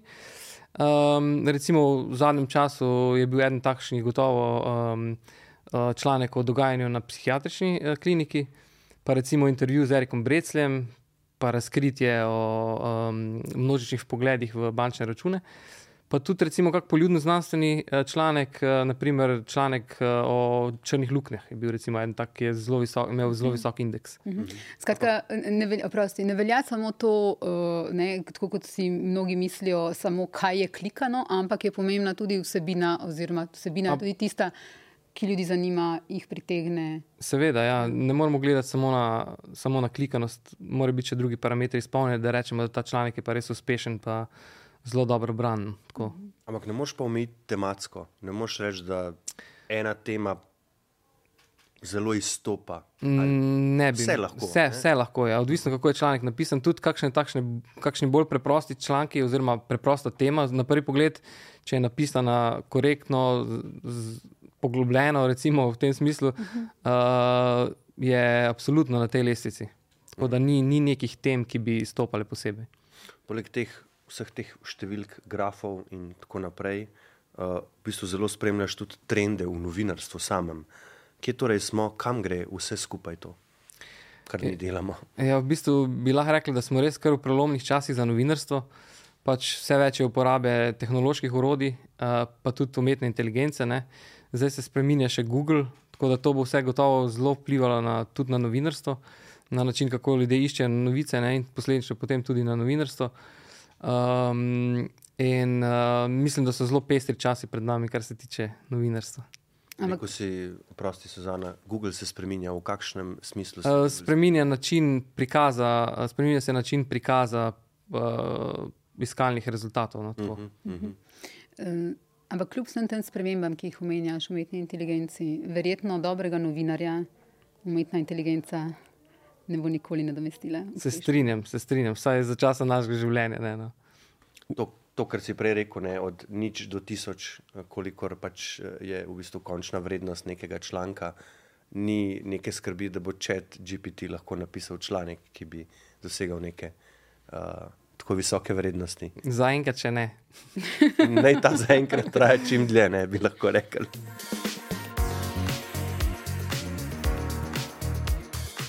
Marko Valadžija in Klemen Košak, uh, Marko z televizije na spletni mediji, ampak tudi N1 je na nek način televizija. Je? Je. Jaz bi rekel, da je ena predvsem digitalni medij v svoji polni uh, meri, zaradi tega, ker vključuje pač vse elemente novinarstva, tako uh, uh, uh, pisnega, uh, spletnega, televizijskega, tudi radijski del s temi podcasti. Uh, je pa drugače kot televizija, vsekakor je popolnoma drugače. Uh, na televiziji si nekako bolj vezan na ure oddaj. Kjer lahko poročaš o zadevah, ki so se čez dan zgodile uh, na digitalnem mediju, kot je pa ena, pa je dejansko ta žurnost, tisti glavni, glavni del našega delovnika. In ko se nekaj dogaja, moramo mi biti prvi na terenu, prvi objaviti novico. In to se mi zdi tista res dodana vrednost, ki jo digitalni mediji dejansko omogoča pred klasično televizijo. Uh -huh. Si pa Marko, v bistvu uh, ne samo ta prehod z televizije na spletni medij, v bistvu si imel tudi prehod zunanje na notranjo politiko. Uh, ja, res je. Ja. Oba Suzano sva delala notranjo, ampak uh, kako je bil pa prehod zunanje politike, vendar le zato drugačne teme, bistveno manj stika s sogovorniki. Uh, kaj te je v bistvu najbolj tu presenetilo, kaj je bil največji preskok? Ja, prehod je bil definitivno zelo zanimiv, že z tega vidika, ker pač, kot si omenil, v zunanji politiki si večinoma vezan na te sekundarne vire informacij. Torej, mi smo bili večinoma vezani na to, kaj naši dopisniki po tujini uh, sprejemajo informacije in pa seveda tuje tiskovne agencije. Tako da dejanskega nekega. Primarnega stika z eh, viri informacij nimaš. Ne, uh, je, ne bom rekel, uh, te, eh, težko, bilo je predvsem zanimivo zaradi tega, ker si nikoli nisem mislil, da bom pokrival notranjo politiko, ampak nekako me je eh, Katja Širuga, naša odgovorna urednica, na tistem uvodnem sestanku, ko smo se prvič dobila, pomirila, da ima tukaj res eh, eh, izjemen nabor novinarjev, izkušenih v notranji politiki, ki so me dejansko vzeli pod svoje okrilje. Tu je pač obvezno treba omeniti eh, Meto Roglič, ki brez nje bi verjetno jaz plaval v temi, pa tudi tebe, Miha, Suzana in Katja, več to ste izkušeni ljudje, ki ste mi pač ful pomagali pri tem, da je bil bil ta prehod lažji, in zdaj po, po enem letu nekako uh, že razumem, kaj je ta notranja politična igra in kako dejansko priti do nekaterih informacij, ki pa je pač. Dosti je klicanja, dosti je obračanja mailov, moraš se spoznati z ljudmi in ko dejansko to kolesje začne teči, potem prideš, prideš tudi noter v notranjo politiko. Meni je vsekakor zanimiva in dobrodošla sprememba, in nisem si mislil, da bom nekoč tako živel v poročanju o notranji politiki. Skratka, ti pokrivaš politiko, eh, ti klemen pokrivaš zdravstvo, socialo, reforme in tako naprej. Eh, zelo dober si tudi s številkami, z analizami, z nabiranjem podatkov. Eh, pa vprašanje za oba vaju, pa mogoče če klemen najprej odgovori, kako težki so za nekoga, ki pokriva te teme, ki, ki jih vidva pokrivata sedajni časi.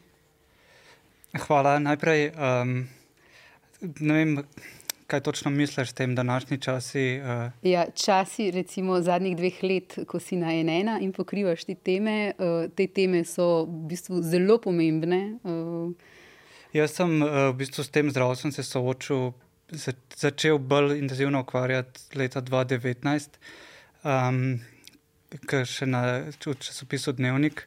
Uh, Pol je hitro nastopila ta COVID kriza, um, čim je bilo te krize konec, je nastopila ta vlada, ki je začela s to zdravstveno reformo res na veliko. Tako da uh, ta tempo novic v zdravstvu je res uh, zelo intenziven. Mm -hmm. Ni primerjave z nobenim drugim uh, sistemom, kar sem se ukvarjal z njimi, socialno, šolstvom. Poleg tega je zdravstveni sistem tudi uh, specifičen, zaradi tega, ker je to tako velik sistem, tiče se res vseh, za vse je najbolj pomembna stvar v življenju. Uh, pa še kompleksen je um, toliko enih deležnikov, ki um, noben ima polne odgovornosti, vsak ima malo odgovornosti in vsak problem, ki nastopi, uh, se oglasijo vsi in pravijo, unijo je kriv in vsi imajo prav. -hmm. Skratka, en problem potegne za sabo. Če eno vrvico potegneš, se v bistvu veliko vrvic zraven zgane. Um, predvsem je vsak uh, problem ima toliko enih vidikov in je res izjivno. Kompleksno. Kako, kaj pa zate? Uh, tisto obdobje pred volitvami je bilo zate gotovo najbolj intenzivno, kako pa zdaj? Ja, dejansko. Um... Ravno sem padel v notranje politično dogajanje, ko se je začela sestavljati vlada. To obdobje je bilo zelo zanimivo. pač tu je treba omeniti uh, projekt, ki smo ga izpeljali. To so predsedniške volitve, ki so bile dejansko moje neke prve volitve, ki sem jih oddelal. Uh, to je bilo zelo zanimivo in potem se je pač začelo uh, z novim letom, z temi napovedovanjem reform. Hod, hodili smo na te koalicijske vrhe na Brdo pri Kranju, uh, poslušali smo, kaj vse bodo, bodo naredili. Ti vrhi so bili sklicani na dva tedna, na tri tedne. Uh, vedno je bila neka nova tema, ki je pač predtem nisem poznal, moral se, se pač malo izobraziti o zdravstveni reformi, o davčni reformi. Uh, govorili so o vsem možnem, obljubljali vse možno, in potem se je nekako čez nekaj časa izkazalo, da bo pač morda te zadeve vendarle ne bodo šle tako lahko, kot so si jih zamislili. Tako da um, bilo je zanimivo, dosti sem se naučil, ampak um, težko bi, ne vem. Rekel, da so bili to težav dva zadnjih par mesecev. Vedno, vedno smo nekaj počeli, no, ampak uh, Ja, zanimivo. No, zdaj so obljubili, da ne bodo več obljubljali. Kot sem rekel, stvar se je zaključila s tem, zadnja obljuba je bila, zdaj pa ne bomo več obljubljali. Uh, ja, ja. uh, Videla sta tudi cimra v pisarni. Uh, Marko, povej mi, Klemen velja za izjemno uh, mirnega, preudarnega človeka, ki vsako stvar mirno in preudarno pove. A se on kdaj tudi razjezite v pisarni? Uh. In kako to zgleda? Ja. To me predvsem zanima. mm, ja, eno pol leta nazaj sem prišel v pisarno, sedel sem se zraven Klemna. Uh, jaz Klemna nisem videl, da, o, oziroma tako bom rekel, ja, videl sem ga dvakrat, da se je razjezil, ampak ne zaradi posledice eh, kakšnega dogajanja, ampak zaradi tega, ker mu je tekst zginil iz programa. zaradi tega, ker ga, ker, ga, ker, ga ni, ker ga ni pisal v Wordu dokument in mu je zginilo celotno besedilo. Mislim, da je bilo to dvakrat, tako da je uh, potem sem.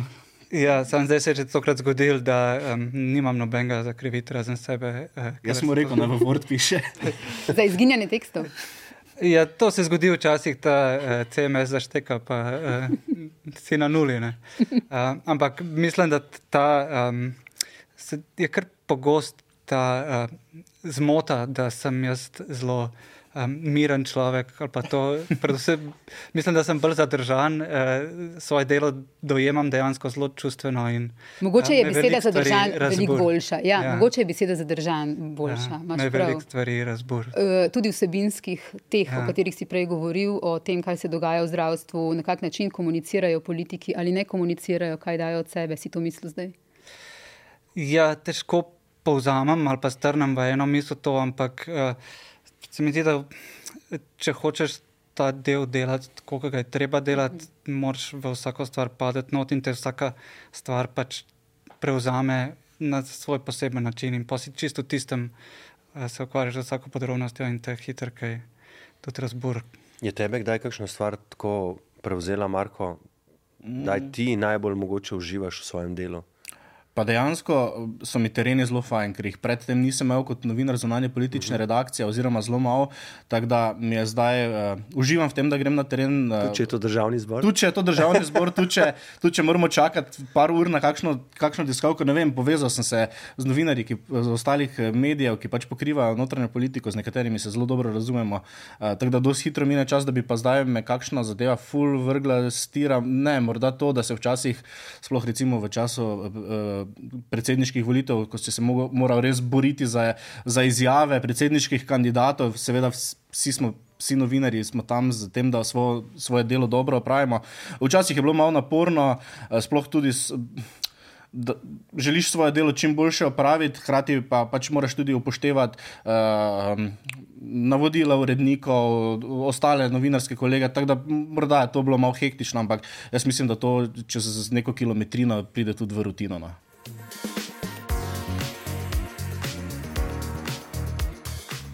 Kaja Fik Fakti si naša social media menedžerka, če uporabim ta uh, v tujini zelo uveljavljen izraz. Ne vem, če imamo že v bistvu uh, nek uh, ekvivalent v slovenščini. Skrbnica družbenih omrežij. Ja, vse je od urednik v družbenih omrežjih, skrbnik družbenih omrežij. Ni pa poenotenega naziva. Ne, še, ne? različno ja. se uporablja. Ja. Skratka, definitivno pa drži, da tisti, ki to uh, delate in znate dobro delati, kar seveda ti si uh, ste zelo vroča roba, če tako rečem, kar iskani.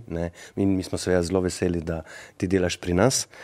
Um, ampak ti prej nisi v bistvu delala, s tem se ukvarjaš že leta, ampak nisi v bistvu prej delala novinarskih vsebin. Ne, ne. Ne, uh, mogoče, uh, kaj so tu tiste glavne razlike, kako do ljudi, ki uporabljajo družbena omrežja in seveda uporabljajo jih vedno več in vedno bolj različna, spraviti novinarske zgodbe v primerjavi s tistimi zgodbami, ki si jih morala do njih spraviti prej? Mislim, sigurno je največja razlika to v količini informacij, ki jih imaš, oziroma v količini tudi tako posameznih objav, ki jih je. Tle, recimo, ne moreš nikoli planirati karkoli, ne? ker lahko si še tako sestaviš nekako, kako bi dan na družbenih omrežjih peljal, pa se potem zgodi neki ali kak breaking news ali pa kaj pomembnejšega. Tako da pač sem že zgodaj v bistvu ugotovila, da se planirati niti nima takega smisla, da se bolj tako dan zjutraj sestavlja skozi od jutra do večera v bistvu. Um, tako da to. Um, pa to je potem tudi največja razlika, um, kako dejansko do ljudi priti, uh, ker lahko z različnimi informacijami, oziroma različnimi objavami, dosežeš tudi različne ciljne publike. Uh, ni nujno, da vse z vsemi naenkrat. In um, ja, tako je zelo, zelo dinamično. No. Že tako, tako je ta poklic zelo dinamičen, ampak v novinarstvu pa vidim, da je še stokrat bolj, tako da je res ful, ful zanimivo in ful, ful zabavno. Tudi. Eh, skratka, spravljati informacije, eh, novinarske vsebine eh, do ljudi, do občinstva je zelo drugače kot recimo drugi produkti. Res je, pa tudi bolj odgovorno je. Ne, tudi se moraš, če delaš social medije, zdaj v novinarstvu, se moraš zavedati neke odgovornosti, ki jo tudi ti nosiš zaradi tega, ker pač nek določeno informacijo, ki jo ljudje želijo, potrebujejo, uh, jo pač spraviš do njih tudi preko družbenih omrežij. Ne? In tudi je zelo pomemben način, kako komuniciraš, kakšne informacije, oziroma čisto specifično, kakšne članke, kako boš jih opremil in slikovno in uh, z besedilom. Tako da je res. Tako kot je po eni strani lahko zelo zabavno, se pač moraš tudi zavedati uh, odgovornosti, ko pride do drugačnih tem, no, da niso, lih, niso predvsem niso lahkotne, to vsebine vedno. Ne, je tudi skratka bolj stresno, kdaj? Tudi stresno je, ja.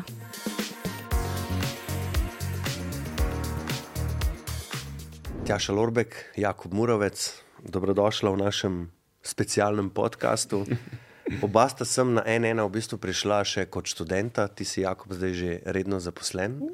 To je prva redna zaposlitev, še enkrat čestitke. Oh, hvala.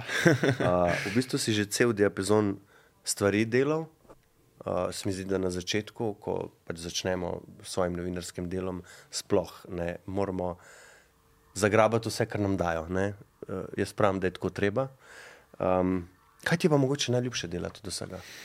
Uh, um, se, se še, vedno ugotavljam, ne, da ne glede na to, koliko časa si tukaj, še vedno ne vem, po eni strani, kaj mi je tista stvar, ki bi jo hotel delati vedno.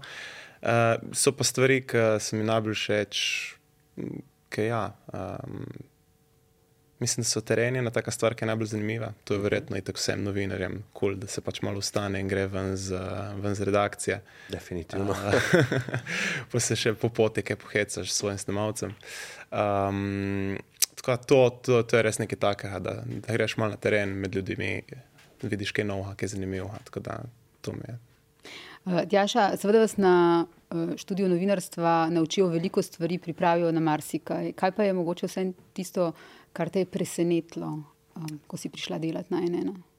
Mogoče to, kako stvari, ki nam jih tako zelo želijo vtepsti v glavo, torej o tem, kakšno poslanstvo in odgovornost uh, imamo. Se vs, tukaj pol dejansko v dejanji in v telesi, pač mm -hmm. tam mogoče tvoj izdelek berete dva človeka maksimalno in je vse tako v nekem mehurčku, kjer pač če zafrkneš, mislim, dobiš šest ali pa, ali pa manj, večinoma ne manj. Ampak um, tu pa pač imajo tvoja dejanja in tvoje delo ima neke posledice in ljudje to dejansko preberajo, tako da pač si ne moreš privoščiti nekih napak, ker imaš odgovornost do. Do svojih kolegov, do svojih nadrejenih, predvsem pa do bralcev, in pač nekateri vedo o tvoji temi vse in še več, in ni moč narediti neko pravico, da si faktično pravilen, da ne posplošuješ in podobno. Hkrati pa moraš biti tudi do tistih, ki nimajo pojma o tej temi, um, in moraš to upovedati na način, da jih pač nekaj naučiš. Um, tako da ja, to nekako, koliko teže ima dejansko. To, kar narediš. To, kar narediš. Pa, če prebere to tisoč ljudi ali sto tisoč, pač ne, za vsakega moraš um, se potruditi in narediti najboljše in najbolj kakovostno, kar lahko. Jako. Je tebe kaj presenetilo? To je definitivno ena stvar, ki me je res presenetila, ja, da je še vedno treba, oziroma v ciklih se, se spomniš in se ti dokaže, da se treba uh, na te teoretične zadeve, ki se ti mogoče niso zdele tako zelo pomembne kot sama obrt, uh, da je to res velika odgovornost v tvojih rokah, da ne, ne zapadeš kakšnemu, kakšni lenobi, predvsem. Um, ampak ja, predvsem res je ta, res je ta odgovornost, ko vsake toliko se ustaviš in si rečeš, ošit, jaz delam resne stvari zdaj tukaj in uh, se, se, se igram na veliki sceni, ne? ni to več vrtec. Da gre za res. Ne? In všeč mi je, da mladi Tako. govorijo, oba sta omenila besedo odgovornost. Hvala vam za to. Hvala. Mogoče sem še to, kako Ove? zelo um, se mi zdi, da so oba z Jakobom še opazila v svojem letu, dveh tu um, kako zelo mogoče milenici nimate občutka, kako mladi smo mladi. Ker se mi zdi, da vsake tok pride ena, en komentar. Ja, kot tjaša, a vidva sta bila že živa, ko je bilo to in to. Ja, ja, ja. ja, ja. Včasih so bili pa telefoni na tipke. Ja, tak, res se mi zdi, vsak mesec pade en tak komentar. Ja, ja, ja, no, čeprav ja. mene so tudi zanj sprašvali za sport bili torbice, ne? pa jaz sem, recimo, sem že tok mlad in starobenem, da se recimo, jih več ne spomnim. Ne. Ja, torej, spodbili torbica kot uh, merilo starosti. ja.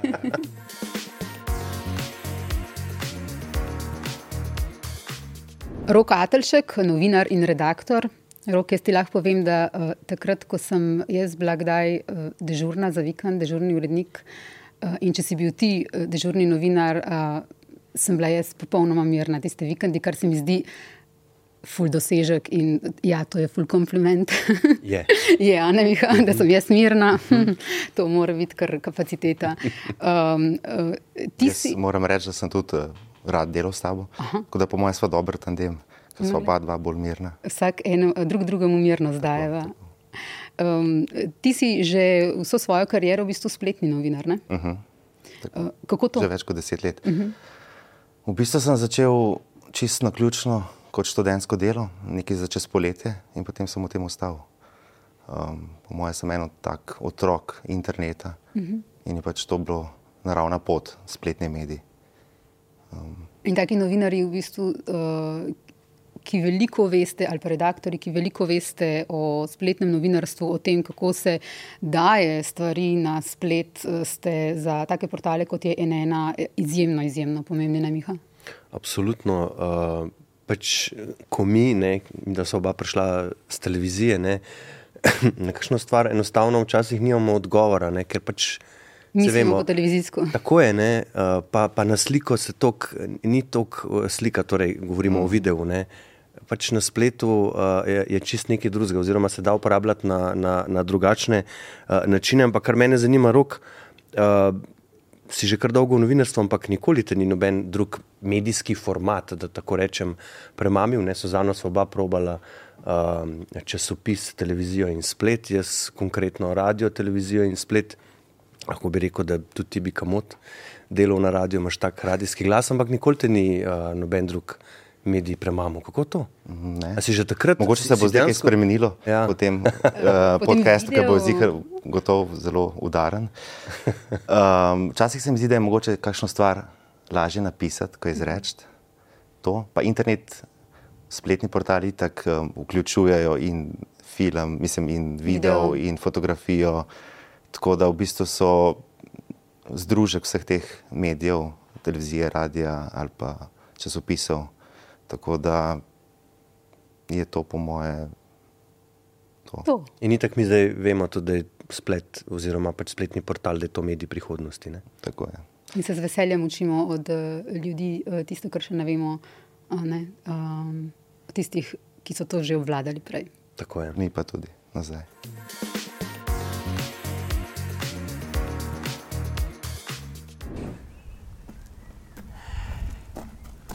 Eh, moja manca, ki si ti najdla na enena.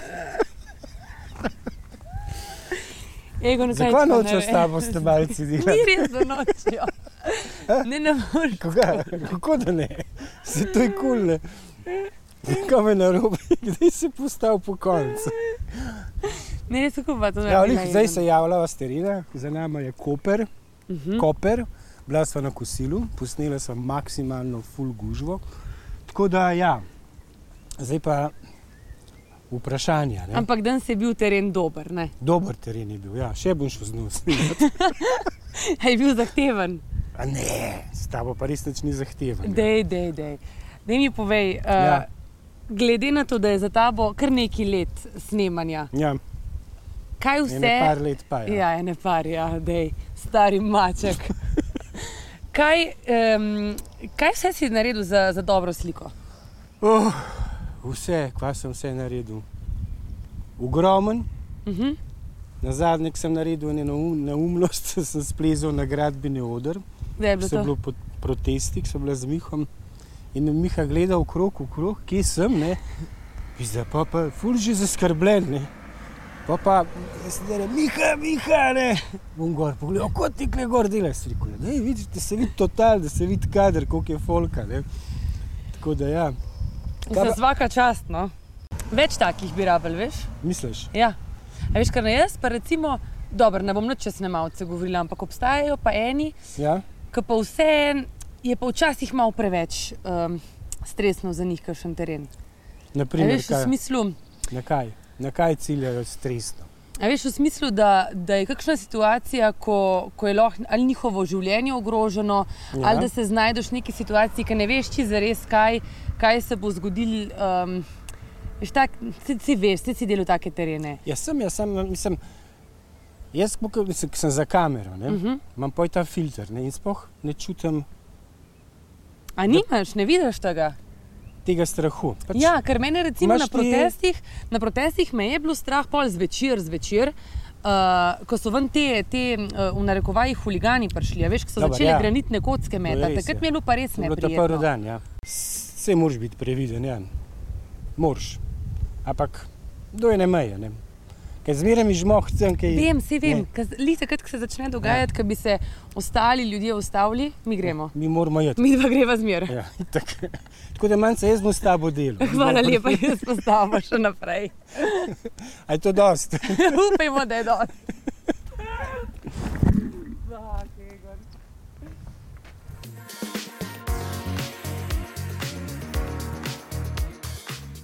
Maša Pentek, ti si vodja pisarne, ampak glede na vse, kaj ti delaš za nas, uh, a bi sama sebe lahko imenovala tudi s kakšno drugo besedo, kako drugače?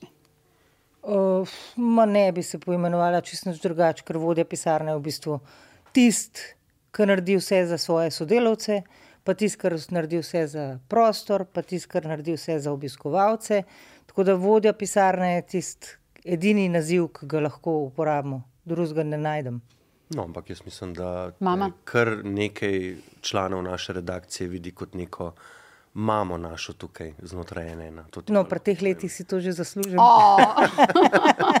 ampak v resnici, Maša, delaš pač vse, sama si umenila, ne od tega, da nam zjutraj vsem kavico svežo, dišečo skuhaš, ker ne bodimo iskreni, novinari pa kava, mislim, da to pač. Ja, tega res, gre res ogromen. To je tako kot žaba in voda, bi jaz rekel, pač eno brez drugega ne gre. Ne?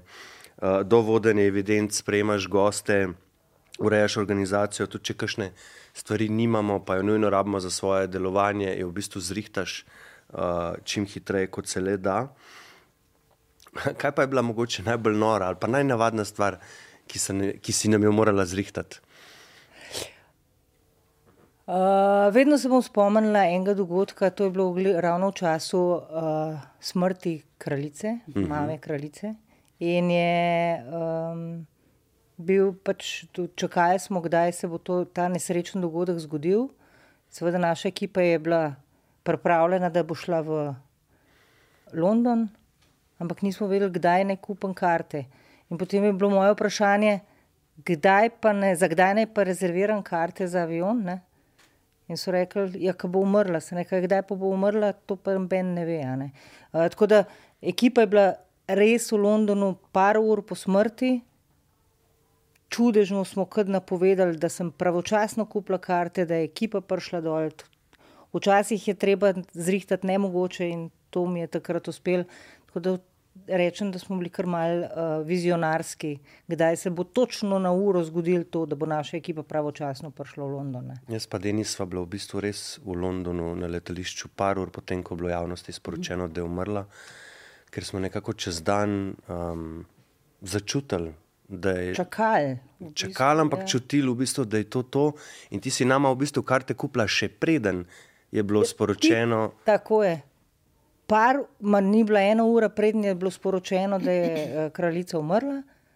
In videla sta se potem podala na pot, še imela sta veliko smolo, nismo vedeli, če bo prišla na ta avion, ki je bil hiter kupljen, ampak uspel vam je. Ne? Prišla sta res med prvimi ekipami v London po tem dogodku. Ne? Med slovenskimi zagotovo. Uh, sva pa skoraj ja. res letalo zamudila, ker je bil ravno takrat turški predsednik Erdogan v Zagrebu in so zaprli avtocesto tik pred izvozom za letališče. Tako.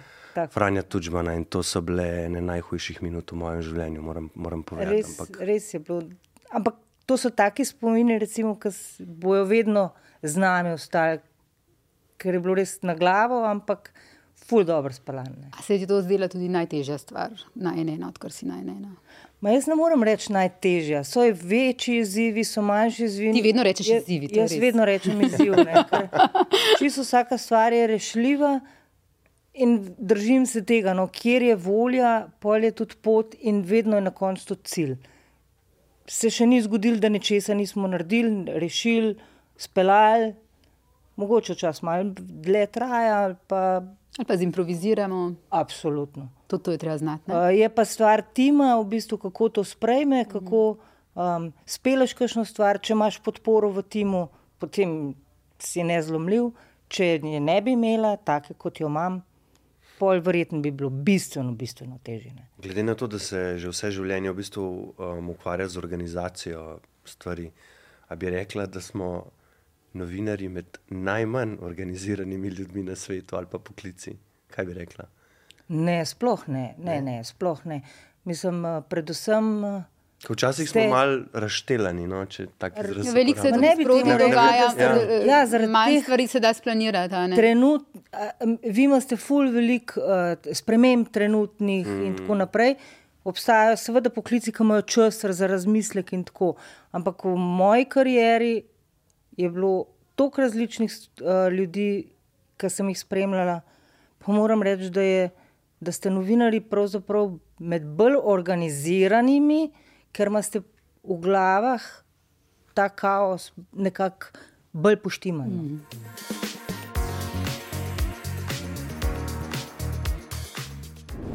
Ej, Denis, pridi, pridi, pridi, Denis, pridi. Čau. Čau. Denis Sadikovič, nas snemalec in fotograf, Husmir Deljanin, šef naše produkcije. Čau. Oba prav lepo uh, dobrodošla. Uh, za začetek, Husmir, ko mi delamo, kaj v studiu, moraš ti v režiji biti. Uh, kaj pa je, kdo pa Ja, zdaj v režiji? Ne, se je težko uporabljati. Laufa vse. Bomo popravili, pa je vse v postotku. Aha, ok, ok, v postprodukciji bomo uredili. Uh, tudi za kamero, Denis je kdo? Uh, je, je. Dobro. Uh, ti, Husmir, si tisti, ki skrbi za prenose, za, za vse kamere, za streame, za vso našo opremo, v bistvu, ki jo rabimo za svoje delo. Uh, si tisti, ki tudi nam pošraufa računalniške programe, ko imamo kakšne težave, ko karkoli ne dela, skrbiš tudi za komunikacijo. V bistvu. Držim se, ja, veš, ko sem enkrat, ko smo začenjali, ena, ena, nekaj sem jaz kaj vprašala, kdo bo pa um, ko boš rabil računalniške programe. Zvonem, ja. Smo imeli en zoom klic tak. Ja. A te Katja vprašala, znaš šraubat ja, programe? Jum, ko boš rafo, rekel, ja, jaz sem Ja. ja. tak, bo s križem, pa francozom verjetno krok hodil po šrafu. To je to. Tam jaz to nikoli ne vidim, zdaj šraufen cigarjem, ampak ja. bi, te, bi, bi te pa vprašal, Husmir, uh, kdaj je v vseh teh situacijah, ne, ker v mediju, um, ki spremlja, pač, ki, ki proizvaja novinarske vsebine in ima seveda svoje specifike, uh, uh, kdaj je najtežje in kaj si misliš, ko tehnika zataji? Uh, kaj si mislim? Uh, mislim, tisto, kar si mislim, verjetno ne smem povedati zdaj. Reci, reci. Sej veš, pa samo Lahko midva. gremo v dalune piske. Samo midva, pač, ja, ja, ja, ja. Uh, ja, ne, ne. Probam pač ohraniti neko pač mirno kri, uh Mhm. -huh. pač oceniti situacijo. Uh, pač, uh, produkciji se zmeraj probamo narediti še kakšne backup zadeve, da se. In, uh, se pač poje. Dogovorimo, pogovorimo, kaj lahko takrat rešimo. Najbolj pomembno je pa ohraniti mirno kri in pač Mm -hmm. zadeva spela do konca. S kom je pa več problemov v studiu, z mano ali Suzano? Odaj, no. Režemo ven. ne, ne, mislim, mislim, oba dva sta super. Oh. Mislim, da se je izognil odgovoru. Ja, ja. boš trajal ali ja, boš zdaj tako sem že tako, malo časa tle Ne, pa zdaj, sem na drugi, zdaj sem na drugi strani studia in zdaj ne rabim, zdaj ne rabim ustrajati. Pa niste mi odgovorili na vprašanje, ga bom ponovil zelo preprosto. Vas bom takole izvala. Ja. Krš... Še kaj povedati? Ne, vprašala bom, um, a imaš v, iz teh dveh let kakšno dobro zakulisno zgodbo iz režije?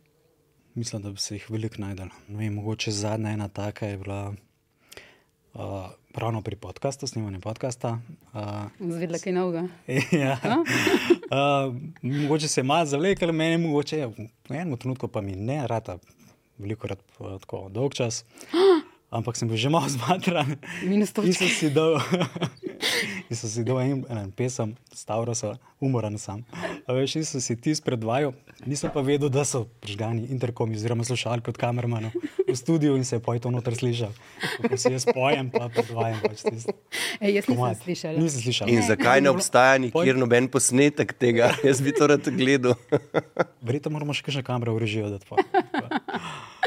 Skrite. Ampak, ja. Denis, kakšen šef je pa Husmir? Um, je lih to, kar je on, kaj je, eh, zdaj moram Ja, ne, pazi, kam imaš povem.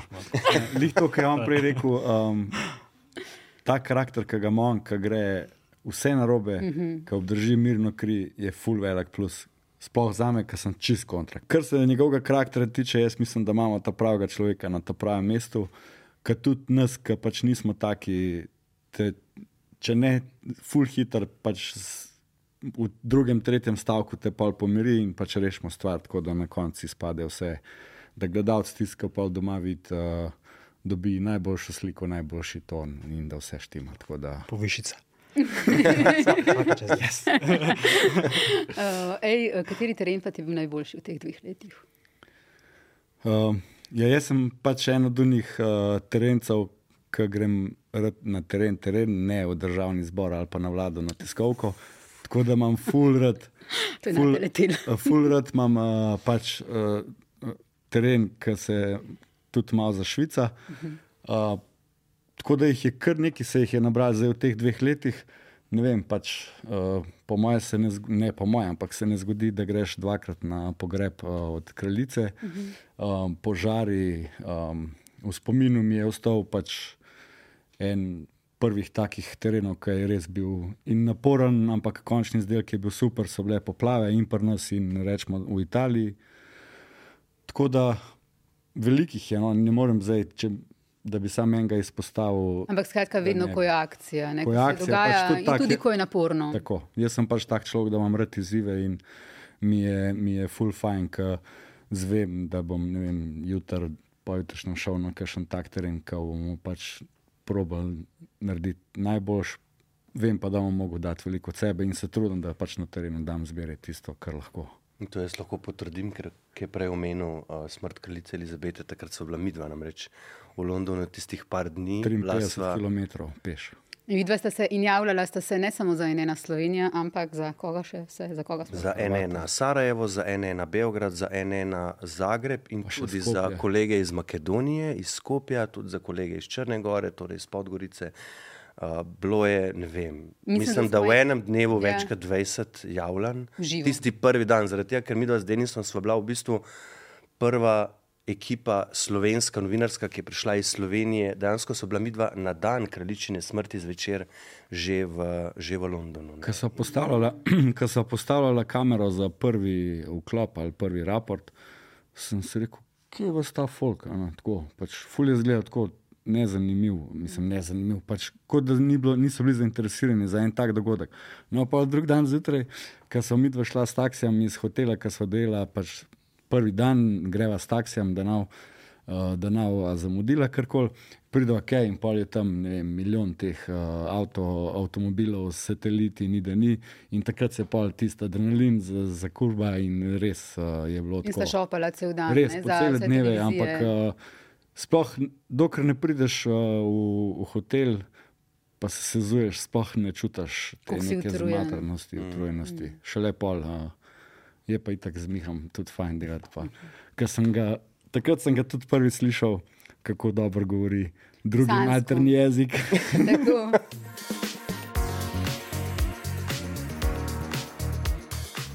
Kamilo Lorenci, ti si se nam pridružil kot zadnji. Ja, jaz sem menda zdaj najnovejša pridobitev. No. Upam, da sem pridobitev. točno Res to pridobitev. si. Res, res. Okay, hvala. Ja, uh, Požaščen. Tako in, in kako, kako z nekim takim humorjem, uh, z nekim tako iskrico uh, navihanosti napišeš te malo bolj lahkotne, mogoče tekste. In mislim, da tudi bralci to cenijo, ne samo mi, pa ful cenimo. No, jaz upam, da, a ne, se, zato se trudim, ker mislim, da je dobro, res pokrivam ta, te magazinske teme, a ne, Mhm. ki so. In to meni zelo paše, zelo mi odgovarja. In uh, zato jih poskušam narediti, če se le da, zabavne. a ne. Uh, tudi mogoče kakšen malce bolj resen tekst, malo tako obrniti, da uh, se Ampak- da tako malce bolj. Ki jih pobiraš, sestra od majoneze. Jaz se to ne bi spomnil. jaz bi Ne, celo- elegantne, elegant, elegantnejša sestra od majoneze. No, to, ja. recimo, ne, se mi Ne zdi vem. tak, ki, ki jaz, po moje, celo življenje bi lahko pisal Čak, take moramo- ne pojasniti, zakaj gre. Ja, ja, ja. pojasniti, zakaj To je gre. bilo, mislim, da je to bilo eh, članek, kako se naredi eh, holandska holandska omaka. a ne. Ja. In uh, ne vem, zakaj, ali mi, zdaj tako bom rekel, ne bom. 100% trdil, da je to pa na mojem zelniku Mhm. zraslo. ne. Lahko da sem to nekje slišal, zasledil že kdaj prej, ampak tako me je nekako prišel ene- elegantnejša sestra majoneze, ker v bistvu je. a ne. No, ampak ko sem rekla, da si v bistvu naša zadnja pridobitev, uh, oziroma da si se nam zadnji priključil, um, kako si nas pa ti, torej skoraj dve leti, odkar oddajamo, ne, pa Mhm. si prišel k nam, uh, prej videl od zunaj. Kako si en ena videl od zunaj? Tako je, jaz sem za NN vedel že prej uh, v uh, srpski oziroma uh, hrvaški različici ne, in sem jih spremljal, zaradi tega, ker so bili zanimivi, ker so bili malo drugačni od teh mainstream medijev na Hrvaškem in v Srbiji, ko so poročali o kakšnem dogajanju v teh dveh državah. ne. In sem jih tako, bom rekel, padli v oči. Eh, Seveda sem jih poznal tudi uh, z televizijske plati, ker jih moj operater uh, omogoča, ne, spremljavo NN. Uh, in Uh, in so se mi zdeli zanimivi. No, in potem, ko je prišla priložnost, da pridem sem, sem rekel, ja, super. Tako pa res, uh, na nek način bom rekel, se spomnim, da sem enkrat, ko sem šel tule mimo zgradbe, ne in sem videl en ena, in tako sem rekel, vse to bi bilo pa mogoče fajn delati. ne, Sam, uh, no, in pol je res naneslo tako, da. Pa si si tako predstavljal, ker v bistvu si ti eh, pač se pridružil nam med zadnjimi in si v bistvu več časa nas spremljal od zunaj, kot Ja, pa od znotraj. od znotraj, ja. ja. Uh, so, bili, so bila tvoja pričakovanja, uh, da smo res taki, kot si mislil, da smo izpolnjena? Tako bom rekel, jaz sem preden sem prišel sem, sem imel uh, kar veliko tremo. Res. Res? Tako, ja, Zakaj? zelo. Zato, ja, ker sem mislil, a bom uh, dosegal standarde, a ne, ki jih ima ta hiša, ker meni se je zdelo, da ima, se mi zdi, oziroma ne, da se mi je zdelo. Prepričan sem bil, da so standardi te hiše visoki. a ne. A zdaj nisi več ali kaj? Uh, seveda še, seveda še, se Še vidimo, bolj, še bolj. Uh, ja, ampak uh, tako bom rekel, jaz sem pred tem delom na enem portalu, ki je bil tako zelo rumen, a ne, bom rekel. In seveda ima rumeni tisk, ima mal niže standarde na nek način, ne, kot, pa, uh, kot pa en mal bolj resen medij. Uh, in potem tudi, ko sem dobil to ponudbo za magazinske teme, ki so dejansko lahkotne, ne, uh, sem rekel, ja, ampak to jih bo še vsem treba narediti Na nivoju. na nivoju. In ti to ne? delaš na Ne kar nivoju. tako. In sem rekel, a bom jaz zdaj to uspel narediti, mi bo to ratal, po domač povedan. Ali bom zapadel preveč v neko plehkost, ali pa ne vem, tam neke klikbajte, kot temu rečejo in tako dalje. No. Pa mislim, da kar. Mislim, da te nevarnosti ni. Nikakršne. nikakršne.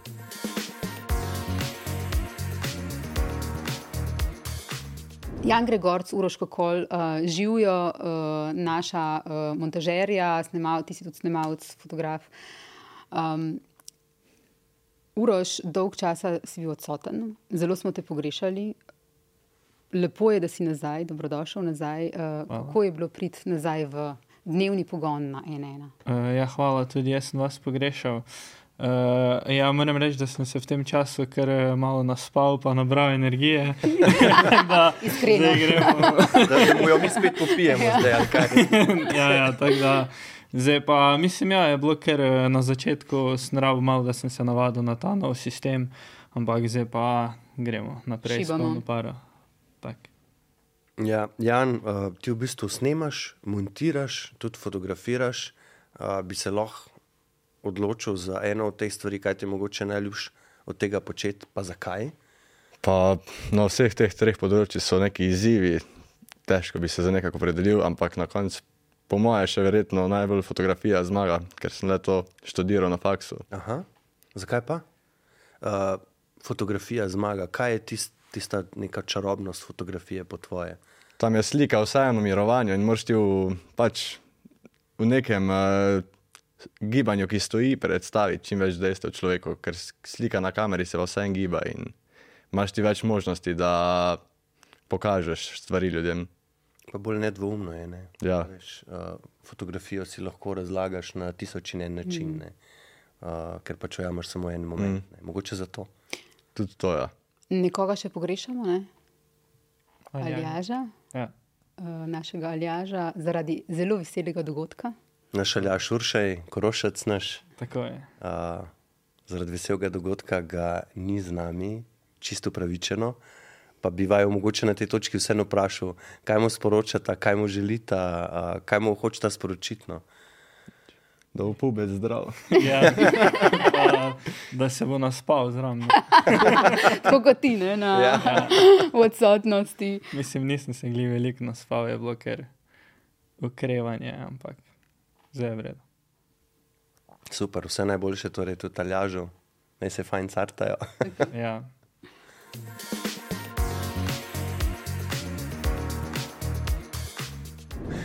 Še preden v bistvu si je Suzana umislila so voditla za ta današnji Čakaj, a podcast. to že snimamo. Če se vse snima, Suzana. Vse se snima, vse je vem. Ampak vidiš, kako meni skače v besedo? Res. To, jaz tudi, to, prosim, da to tudi tudi politikov za unim pultom ne prekinjam, kot Suzana mene. Ampak to sem hotel, re, hot, hotel reči, da še preden si je za dan somislila so voditla za podcast, si bil v bistvu ti že pred mano sovoditelj njenega podcasta, Martin. Uf, Ognjeni krst. tako je. Ja, boš predstavil? Bom seveda. Martin Pavčnik je z nama, urednik spletnega sportkluba, cenjeni kolega. Veseli. Na spletnem sportklubu ste v bistvu del NNN, ampak ne čist za res zdaj. Takrat, ko je služben žur, smo, tega pa kaj narediti, pa Ne, ni, ne. Če gremo k tem nekim družinskim primerjavam, bi lahko rekel, da nismo lih bratje in sestre, smo pa bratranci in sestrične. Recimo, ne. Pa veliko sebin nam. Uh, Torej, vidimo se, vidimo se malo večkrat, kot sam za rojstne dneve. No. Nismo pa vsak dan skupaj. Če Ampak smo. karikiram, smo pa ne. Ja, ti si bližje njim. Ja. Um, ampak kako v bistvu vi, kako ti, kot nekdo, ki je v bistvu del NN, a ne pa čist za res, vidiš nas? Hkrati od zunaj in od Um, znotraj. Ja, lej, pač ta pogovor je zdaj v okviru tega, da se dve leti, en, ena, en, dva, obeta. Uh, in se mi zdi, da dve leti je ena taka doba, ko ta osnovni oklep, ki je vse fajn, ki je vse fino, ki je vse novo, ki si vas zagnan, že pade in rataš realen. Ne? Nastanejo realni problemi, pridejo realni izzivi, pridejo stvari, ki niso to klepe. Ne? Dobro, kaj hočeš povedati? Hočem povedati, da kljub temu, da je ta oklep spadal, okay. je prvs še vedno v mojih očeh ta neverjetna zagnanost, ta neverjeten profesionalizem, ta izjemna energija in to je tisto, kar me v bistvu navdušuje. No in tako jaz vas gledam. No, zdaj, če, me ne bi, če me ne bi Suzana prekinila v tem odgovoru, bi mogoče še lepše Sorry. spadal, ampak pač oprosti. To dela. Ti si vajen tega. ne. Ja, ja, seveda. Zgleda, da nas ni videl včeraj zvečer, veš, ki govori o tej zagnanosti, da nas ni videl. ja. um, Dajte mi povedati, zakaj se vidva skozi kličeta, uh, ne samo tukaj na podkastu, ampak tudi sicer vidva skozi en drugega nazivata cenjeni kolega. Čemu je fora to? Bom kar jaz povedal. Um, mislim, da sem imel oddajo o zimskih olimpijskih igrah, prihajajočih. Ne? Je bila ta, ne? Mhm. To smo imeli. In si bil ti gost, ker jaz sem. Damjan. In Jrnej Damjan. Ali si bil prvič, ne, ne, za olimpijske sta bila vidva. Ja. In je bilo, uh, jaz sem itak že tako rekel, ker Martina spremljam že, še preden je obstajal NN in tako naprej, pač ga res zelo cenim. Um, In uh, sem si v bistvu prav želel, da, da bi prišel k meni za pult in da bi pač skupaj nekako pokomentirali pričakovanja. On je res insider, ti si pač insider in ogromno teh zakulisnih stvari, uh, ki si jih mi, običajni gledalci, tisti, ki spremljamo zimske športe, niti ne predstavljamo, ti vse to veš. In zato je bilo v bistvu meni res bolj pomembno, kot da dobim v studio kogarkoli od nosilcev medalj ali pa od znanih športnikov, da priješ ti. No, bom še z veseljem, da je prišel, če si to tako In lepo zapeljal, cenjeni In kolega. na koncu tega pogovora, ko sem se ti zahvalil, pač jaz teh zahval nimam nikoli napisanih. Ne? Ja. Yeah. Suzana si ponovadi si vse napiše, Jaz ona si vse napišem. napiše. Jaz tudi, kje se moram pošaliti. No, recimo, jaz pa pač teh stvari res si ne napišem in ker tako mislim, sem pač se ti na koncu pogovora, ker si bil res dober, res si bil dober. Sem se ti pač zahvalil z besedami, cenjeni kolega, in tebi, zdaj boš, zdaj boš pa ti prevzel razlago. Je Se očitno, se, tebi se je očitno to zelo usedlo v možgane. Ja, ta, ja, ja, ja, lepo slišati. tako da. Um, jaz, pol je še on mene začel klicati. ja, ja, oba en drugega tako kličeta. Uh, Torej, ti infanti iz športkluba, novinari tvoji, uh, ki ste zelo dobra in tudi povezana ekipa, uh, sedite neposredno za uh, pisarno uh, ekipe Poglobljeno, ne? in Ki jo vodiš ti. ki jo vodim jaz. Uh, in moram reči, da se vas pogosto sliši, da ste polo, po, pogosto tudi bučni, tako kot se tudi za športne novinarje spodobi, da, da ste glasni. ne. Ampak me vi zanima, no, se to, to sem hotel vprašati. Kdaj smo pa mi na ene, ena najbolj glasni? Se mi zdi, da ko kakšna debata. Vsebinska, no, včasih tudi, ko šefica pride, kar eh, glasno, ne, iz obeh strani, to moram reči. Uh, Drugače, kar se pa te glasnosti tiče, ja, sej, malo je tudi stvar karakterjev. ne. Uh, druga stvar je pa pač tudi o tem, da jaz vedno govorim tisto, o čemer se ljudje pogovarjajo, kjer se mnenja krešejo, tisto je vredno, da tudi. Zdaj ne bomo več rekli na papir, ampak na ekran. ne. Uh, in zdaj to je v bistvu zelo prazna fraza, dokler jo v praksi res ne doživiš. No, in mi smo skozi te debate, skozi to glasnost, ki upam, da ni preveč moteča, že prihajali do tega, da so zgodbe iz tega nastajale. ne. In to je v bistvu tisto najlepše, kar rečeš, o čemer se v gostilni pogovarjajo, to je zanimivo. Pač, Ker ker v razpravljate službenem- o- Ja, ja, v službenem času ali po gostilnah ne hodimo, je to ta prostor za debato.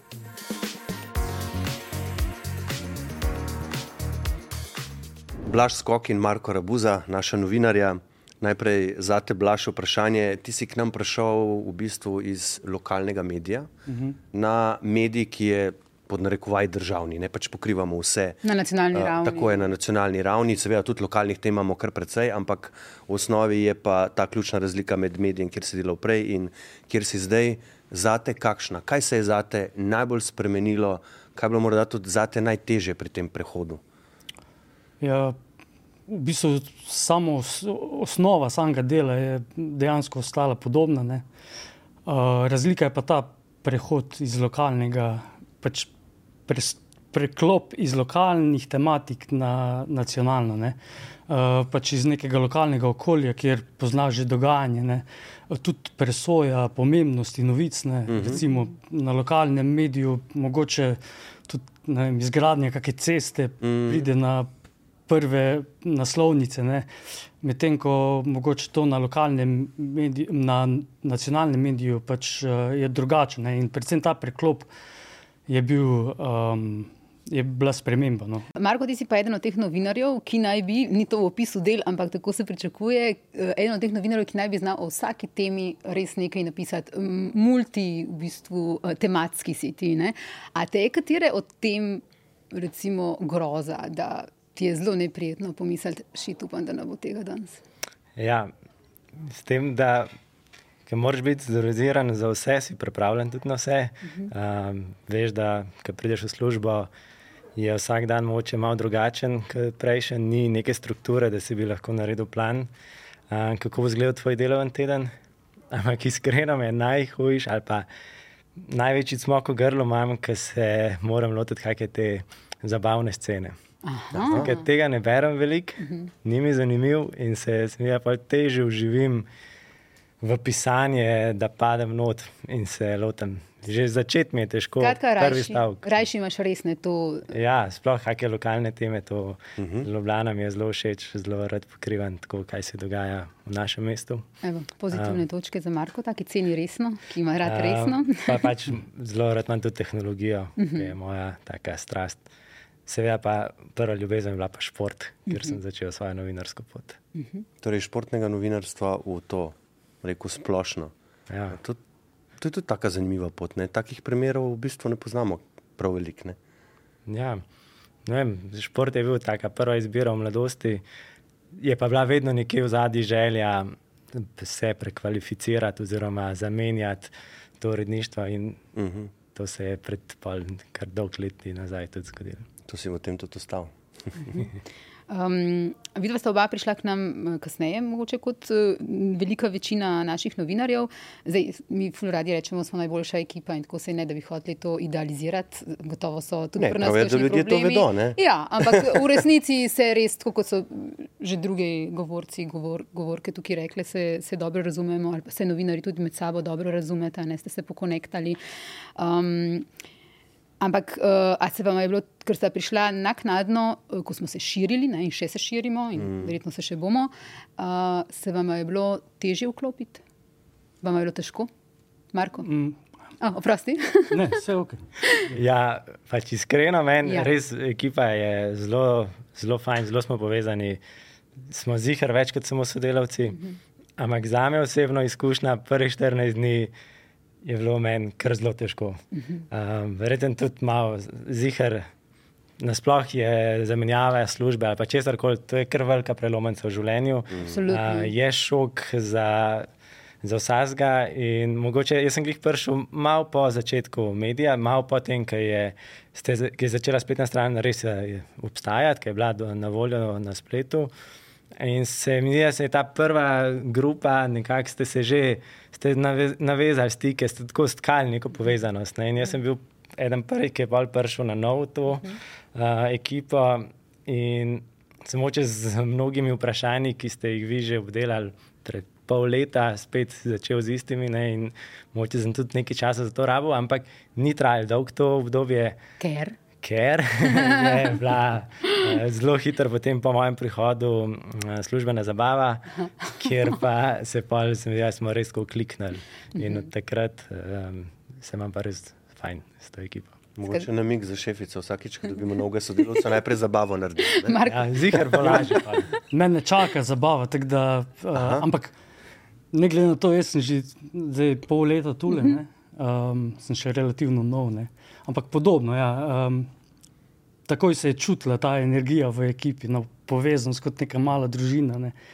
Uh, pa ja, od začetka je mogoče malo težko. No, uh, Se vklopiti bolj kot tisti sošolec, ki pride v nov razred. Ja. Opazuješ, tam so pa cel razred zelo povezan. Uh, ampak ja, um, na koncu koncev ni težko s takimi ljudmi okoli, ne, ki te sprejmejo. In, um, ja, je lažji prehod. No. Če se s tobой misli, da smo jim napisali. Ja, sej, če Ja, danes pa to- pogledam, saj to- kako je. Nismo vem. napisali nobenemu, nobenemu nismo nič rekli, kaj mora Nobeno, ampak reči. To si zdaj disclaimer zraven dala. ali kaj? Ni, ni, druge, ni drugih besed, ne, sej, um, to, je, to so dejstva.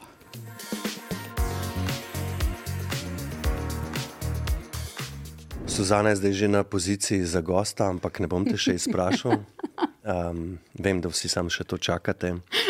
Preden zaključimo ta specialen podcast ob drugi obletnici NN Slovenija, vsekakor omenimo kolege in kolegice, ki so del, pomemben del redakcije NN, pa žal danes niso z nami. Niso mogli priti. Iz takšnih ali drugačnih razlogov. razlogov. To so Domenika Presekar, naša novinarka iz Deska, Petra Vadas, novinarka in redaktorica, Tadeja Lepoša, novinarka in uh, Tjaša Gajšek, študentka novinarstva, ampak tudi zelo pomembna uh, pridobitev za NN. Vse, vse štiri so v bistvu zelo pomemben del um, naše medijske hiše, s vsemi štirimi je fajn delati. Zelo različni smo, ena, kot so verjetno gledalci in gledalke lahko videli in slišali. In tudi te štiri, te štiri ženske, te štiri dekleta so izjemno pomembne za nas. Uh, Meta Roglič. Ona si pa zagotovo zasluži posebno omembo. Enkrat oh, ja. jo je že Marko Valadžija že omenil. Ne? Že je omenil v tem podkastu. Meta Roglič je naša novinarka za področje politike. Med drugim je bila Meta Roglič tudi moja prva, res ena pomembnejših urednic no, v moji novinarski karieri. Slučajno smo se potem našli toliko let kasneje na, na istem projektu. Vesela sem, da, da smo jo lahko, lahko takrat vprašali, ali se nam pridruži, in še bolj vesela, da se nam je pridružila. Uh, verjetno tudi ti. Uh, Veš, veliko krat se pogovarja o tem, kakšno v bistvu uh, zaklad je Meta Roglič za NN in za, za vse nas. In tudi, kot so danes slišala, za mlajše kolege, mm. ki se mm. učijo, ona res uh, veliko pomaga tudi. Uh, pri drugih člankih eh, in za vsakega ima lepo besedo in nek eh, prijazen odnos uredniški oziroma kolegijalni kot novinarka starejša drugim novinarjem. In vsakmu kolegu, ki mogoče ne razume na prvo žogo čist neke določene zapletene politične teme, to vendarle niso enostavne stvari, včasih so težke za razumeti tudi tistim, ki v bistvu to vsakodnevno spremljajo, ne kaj šele tisti, ki v bistvu niso uh, uh, vse čas zraven in ona vedno si vzame čas, da pride v miru, razloži, tako da vsak lahko razume in da je končni izdelek potem tako, kot mora biti, tako kot se za ena Slovenija uh, spodobi. Mislim, da je tle ona. Um, Rekla si novinarka, tudi komentatorka. Jaz si ne predstavljam je. nobenih volitev. Brez njenega komentarja. Tako je. Tako je ja. Pa so bili referendumi, pa so bile predsedniške volitve, pa parlamentarne volitve še predtem. Ne predstavljam si več uh, volilnega večera in končnega razpleta brez komentarja. Mete Roglič, bi pa mogoče tu še svojo osebno izkušnjo. Na zadnje sva z Meto skupaj delala um, in sva skupaj v bistvu tudi razkrila, prva sva slovenski javnosti sporočila, da koalicija Roberta Goloba, konkretno Gibanje Svoboda, ker koalicijski partneri za to sploh mhm.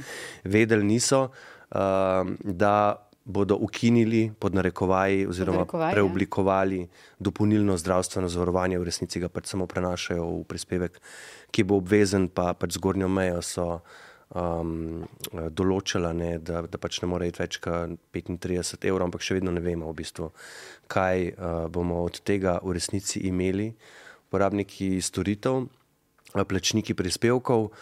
Mi dva zmeto, ne vem, če veste to, ampak mi dva so ta članek. Pila do pol štirih zjutraj. Kako pa naj jaz tega ne bi vedela, seveda vem. um, Ne, gledalci in ja, gledalke, okay, ja, poslušalci in poslušalke najbrž ne vedo. Uh, ampak res, mi sva, mislim, da zadnjič so po telefonu govorila mal pred mm. tretjo in sva šla dejansko čez vsako piko, mm. vsako vejco, vsako besedo. A, a si to ti preverila? To sem jaz preveril. Klemaš ti vir, klemam jaz. In tudi v politiki, ne sve, sploh v gibanju so, bila, so, so bili ogorčeni, ker so to hoteli skriti mm. do zadnjega, ampak jim pač ni uspel, ker so mi da pač to uh, razkrila. Uh, oni so neke teorije zarote gradili, kdo nam je zdaj to povedal, kdo je. Celo mendal so iskali tistega, ki je govoril z mano, pa z meto znotraj stranke. Dejstvo pa je, da smo mi dva tisto, tisto dan in tisto noč preverila pri, ne vem, mislim, vsaj 50 različnih virih, po moje. No? In je bilo res tako, kot si jaz pač v nekem romantičnem smislu predstavljam novinarstvo. Mm -hmm. To in zmeto delati te stvari je pa sploh. Milina, ne? Milina, ja, res mm -hmm. pravi izraz si uporablja. Ker je človek, ki se na njega res lahko zaneseš. In jaz mhm. večkrat rečem, preberem v kakšnih eh, drugih časopisih ali pa medijih nekaj. In uh, če meta spremlja pri nas to področje in ni objavila. Jaz točno vem, da ni res, ali pa da se bo izkazalo, da ni mm. res.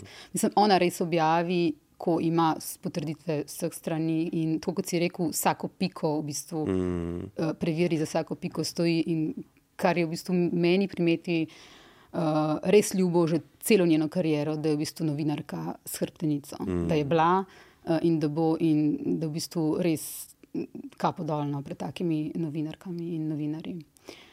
Uh, kaj so zdaj mi dva na vrsti?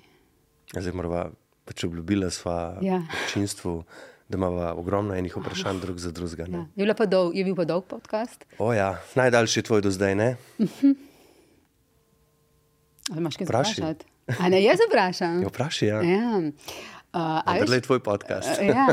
A veš kaj, uh, ti običajno sediš tam, Tle, torej Stojim. Stojiš za temi ja. kamerami uh, in ti, ko imaš uh, svoje goste uh, pred sabo, ob sebi, Um, verjetno najpogosteje razmišljaš o tem, kdaj ga bom mogel prekiniti, oziroma ali moram posežeti, ali moram zdaj že kaj reči.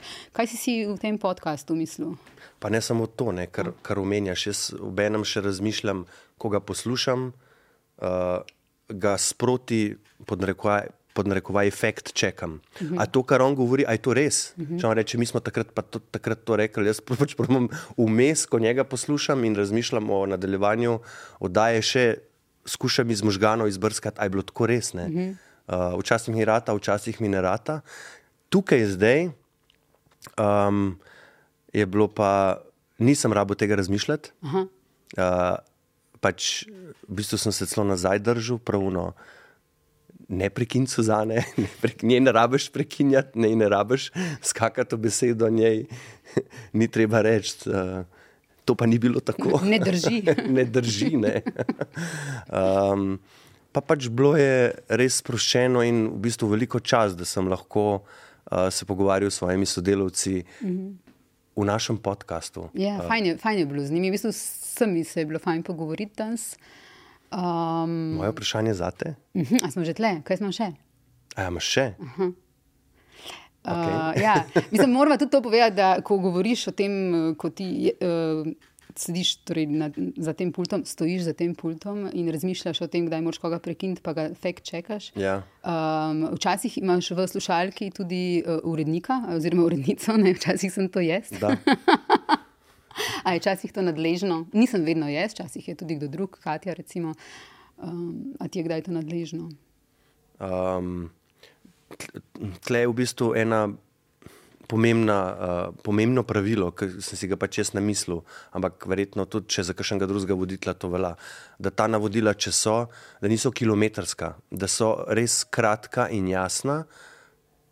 Tudi na, na nivo ali pa glasnost govora je treba paziti, ne? ker če imam jaz slušalko, slučajno prenaglas, bi lahko tudi gosti slišali to, kar jaz slišim. V, še na to je treba paziti, da bi bilo moteče, ne, predvsem daje občutek varnosti. Mm -hmm. To se mi zdi blazno pomembno, zaradi tega, ker ko imaš ti za tem pultom štir politične prvokategornike, predsednike strank, ki se borijo za to, da bi vladali v državi uh, in so egoti. In so napetosti, in vemo, kakšna je pač politična situacija v državi, kakšna je ta neka razklanost, koliko je nekega Mm, huiskanja v politiki, neke sovražnosti, nekega izključevanja, ogromno. Ne? In da imaš ti v taki situaciji v slušalki nekoga, ki ti daje občutek varnosti, to je neprecenljivo. Da, kaj imaš še kakšno vprašanje? Mam. A še jih imaš? Ja. Ne, tega imam zaradi uh, hec, zato ker ti mene vedno, uh, vedno hecaš, da uh, vse svoje sogovornike vprašam, če se jih je strah. Miha, rešnik. Česa vas je bilo naj ena najbolj strah? da, mi, da ne bom gostov dobil, ali pa da mi bo gost tik pred zdajci odpovedal. Um, moje vprašanje za te, če lahko, če smem, uh, rabiš so voditla. A za podcast? Ja. ja, to bo pa glas ljudstva povedal, kako jim je danes všeč. Ampak dve leti si tukaj, ne? niti nikoli zamikal, da bi šla tam le za, za un pult. Jo, lahko grem tudi za pult, če želiš. Aha. Ja, absolutno. Koga bi pa tam rada imela?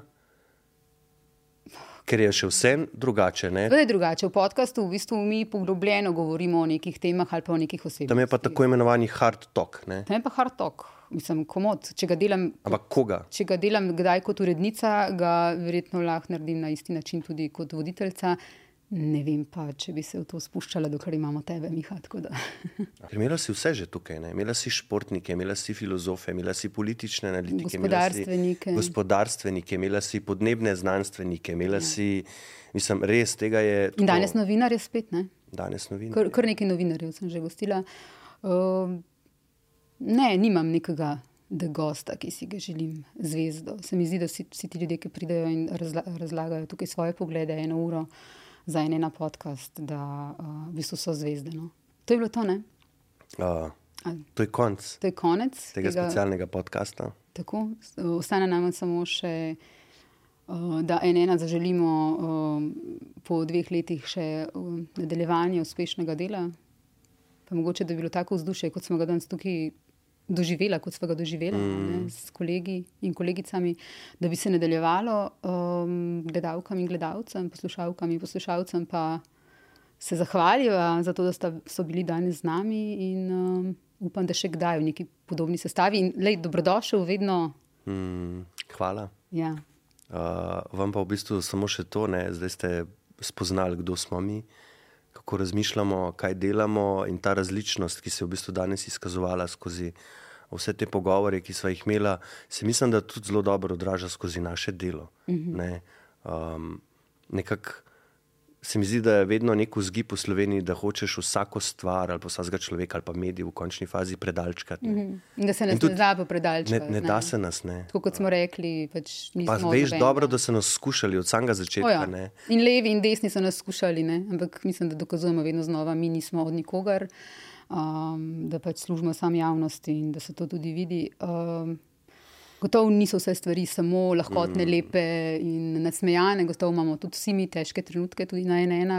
Včasih je izjemno, izjemno naporno, mogoče mm. to ni prišlo dovolj do izraza danes, je pa treba omeniti, uh, da je to kar trdo delo.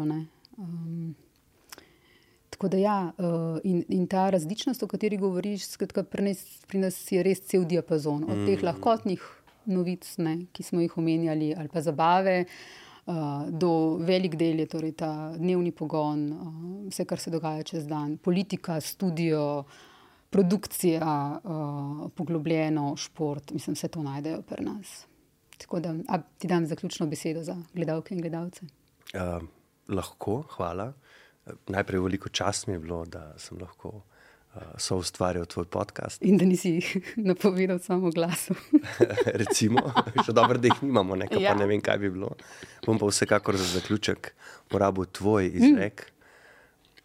Drage gledalke in gledalci, poslušalke in poslušalci, bravke in bravci, vse veste, novice so na spletu.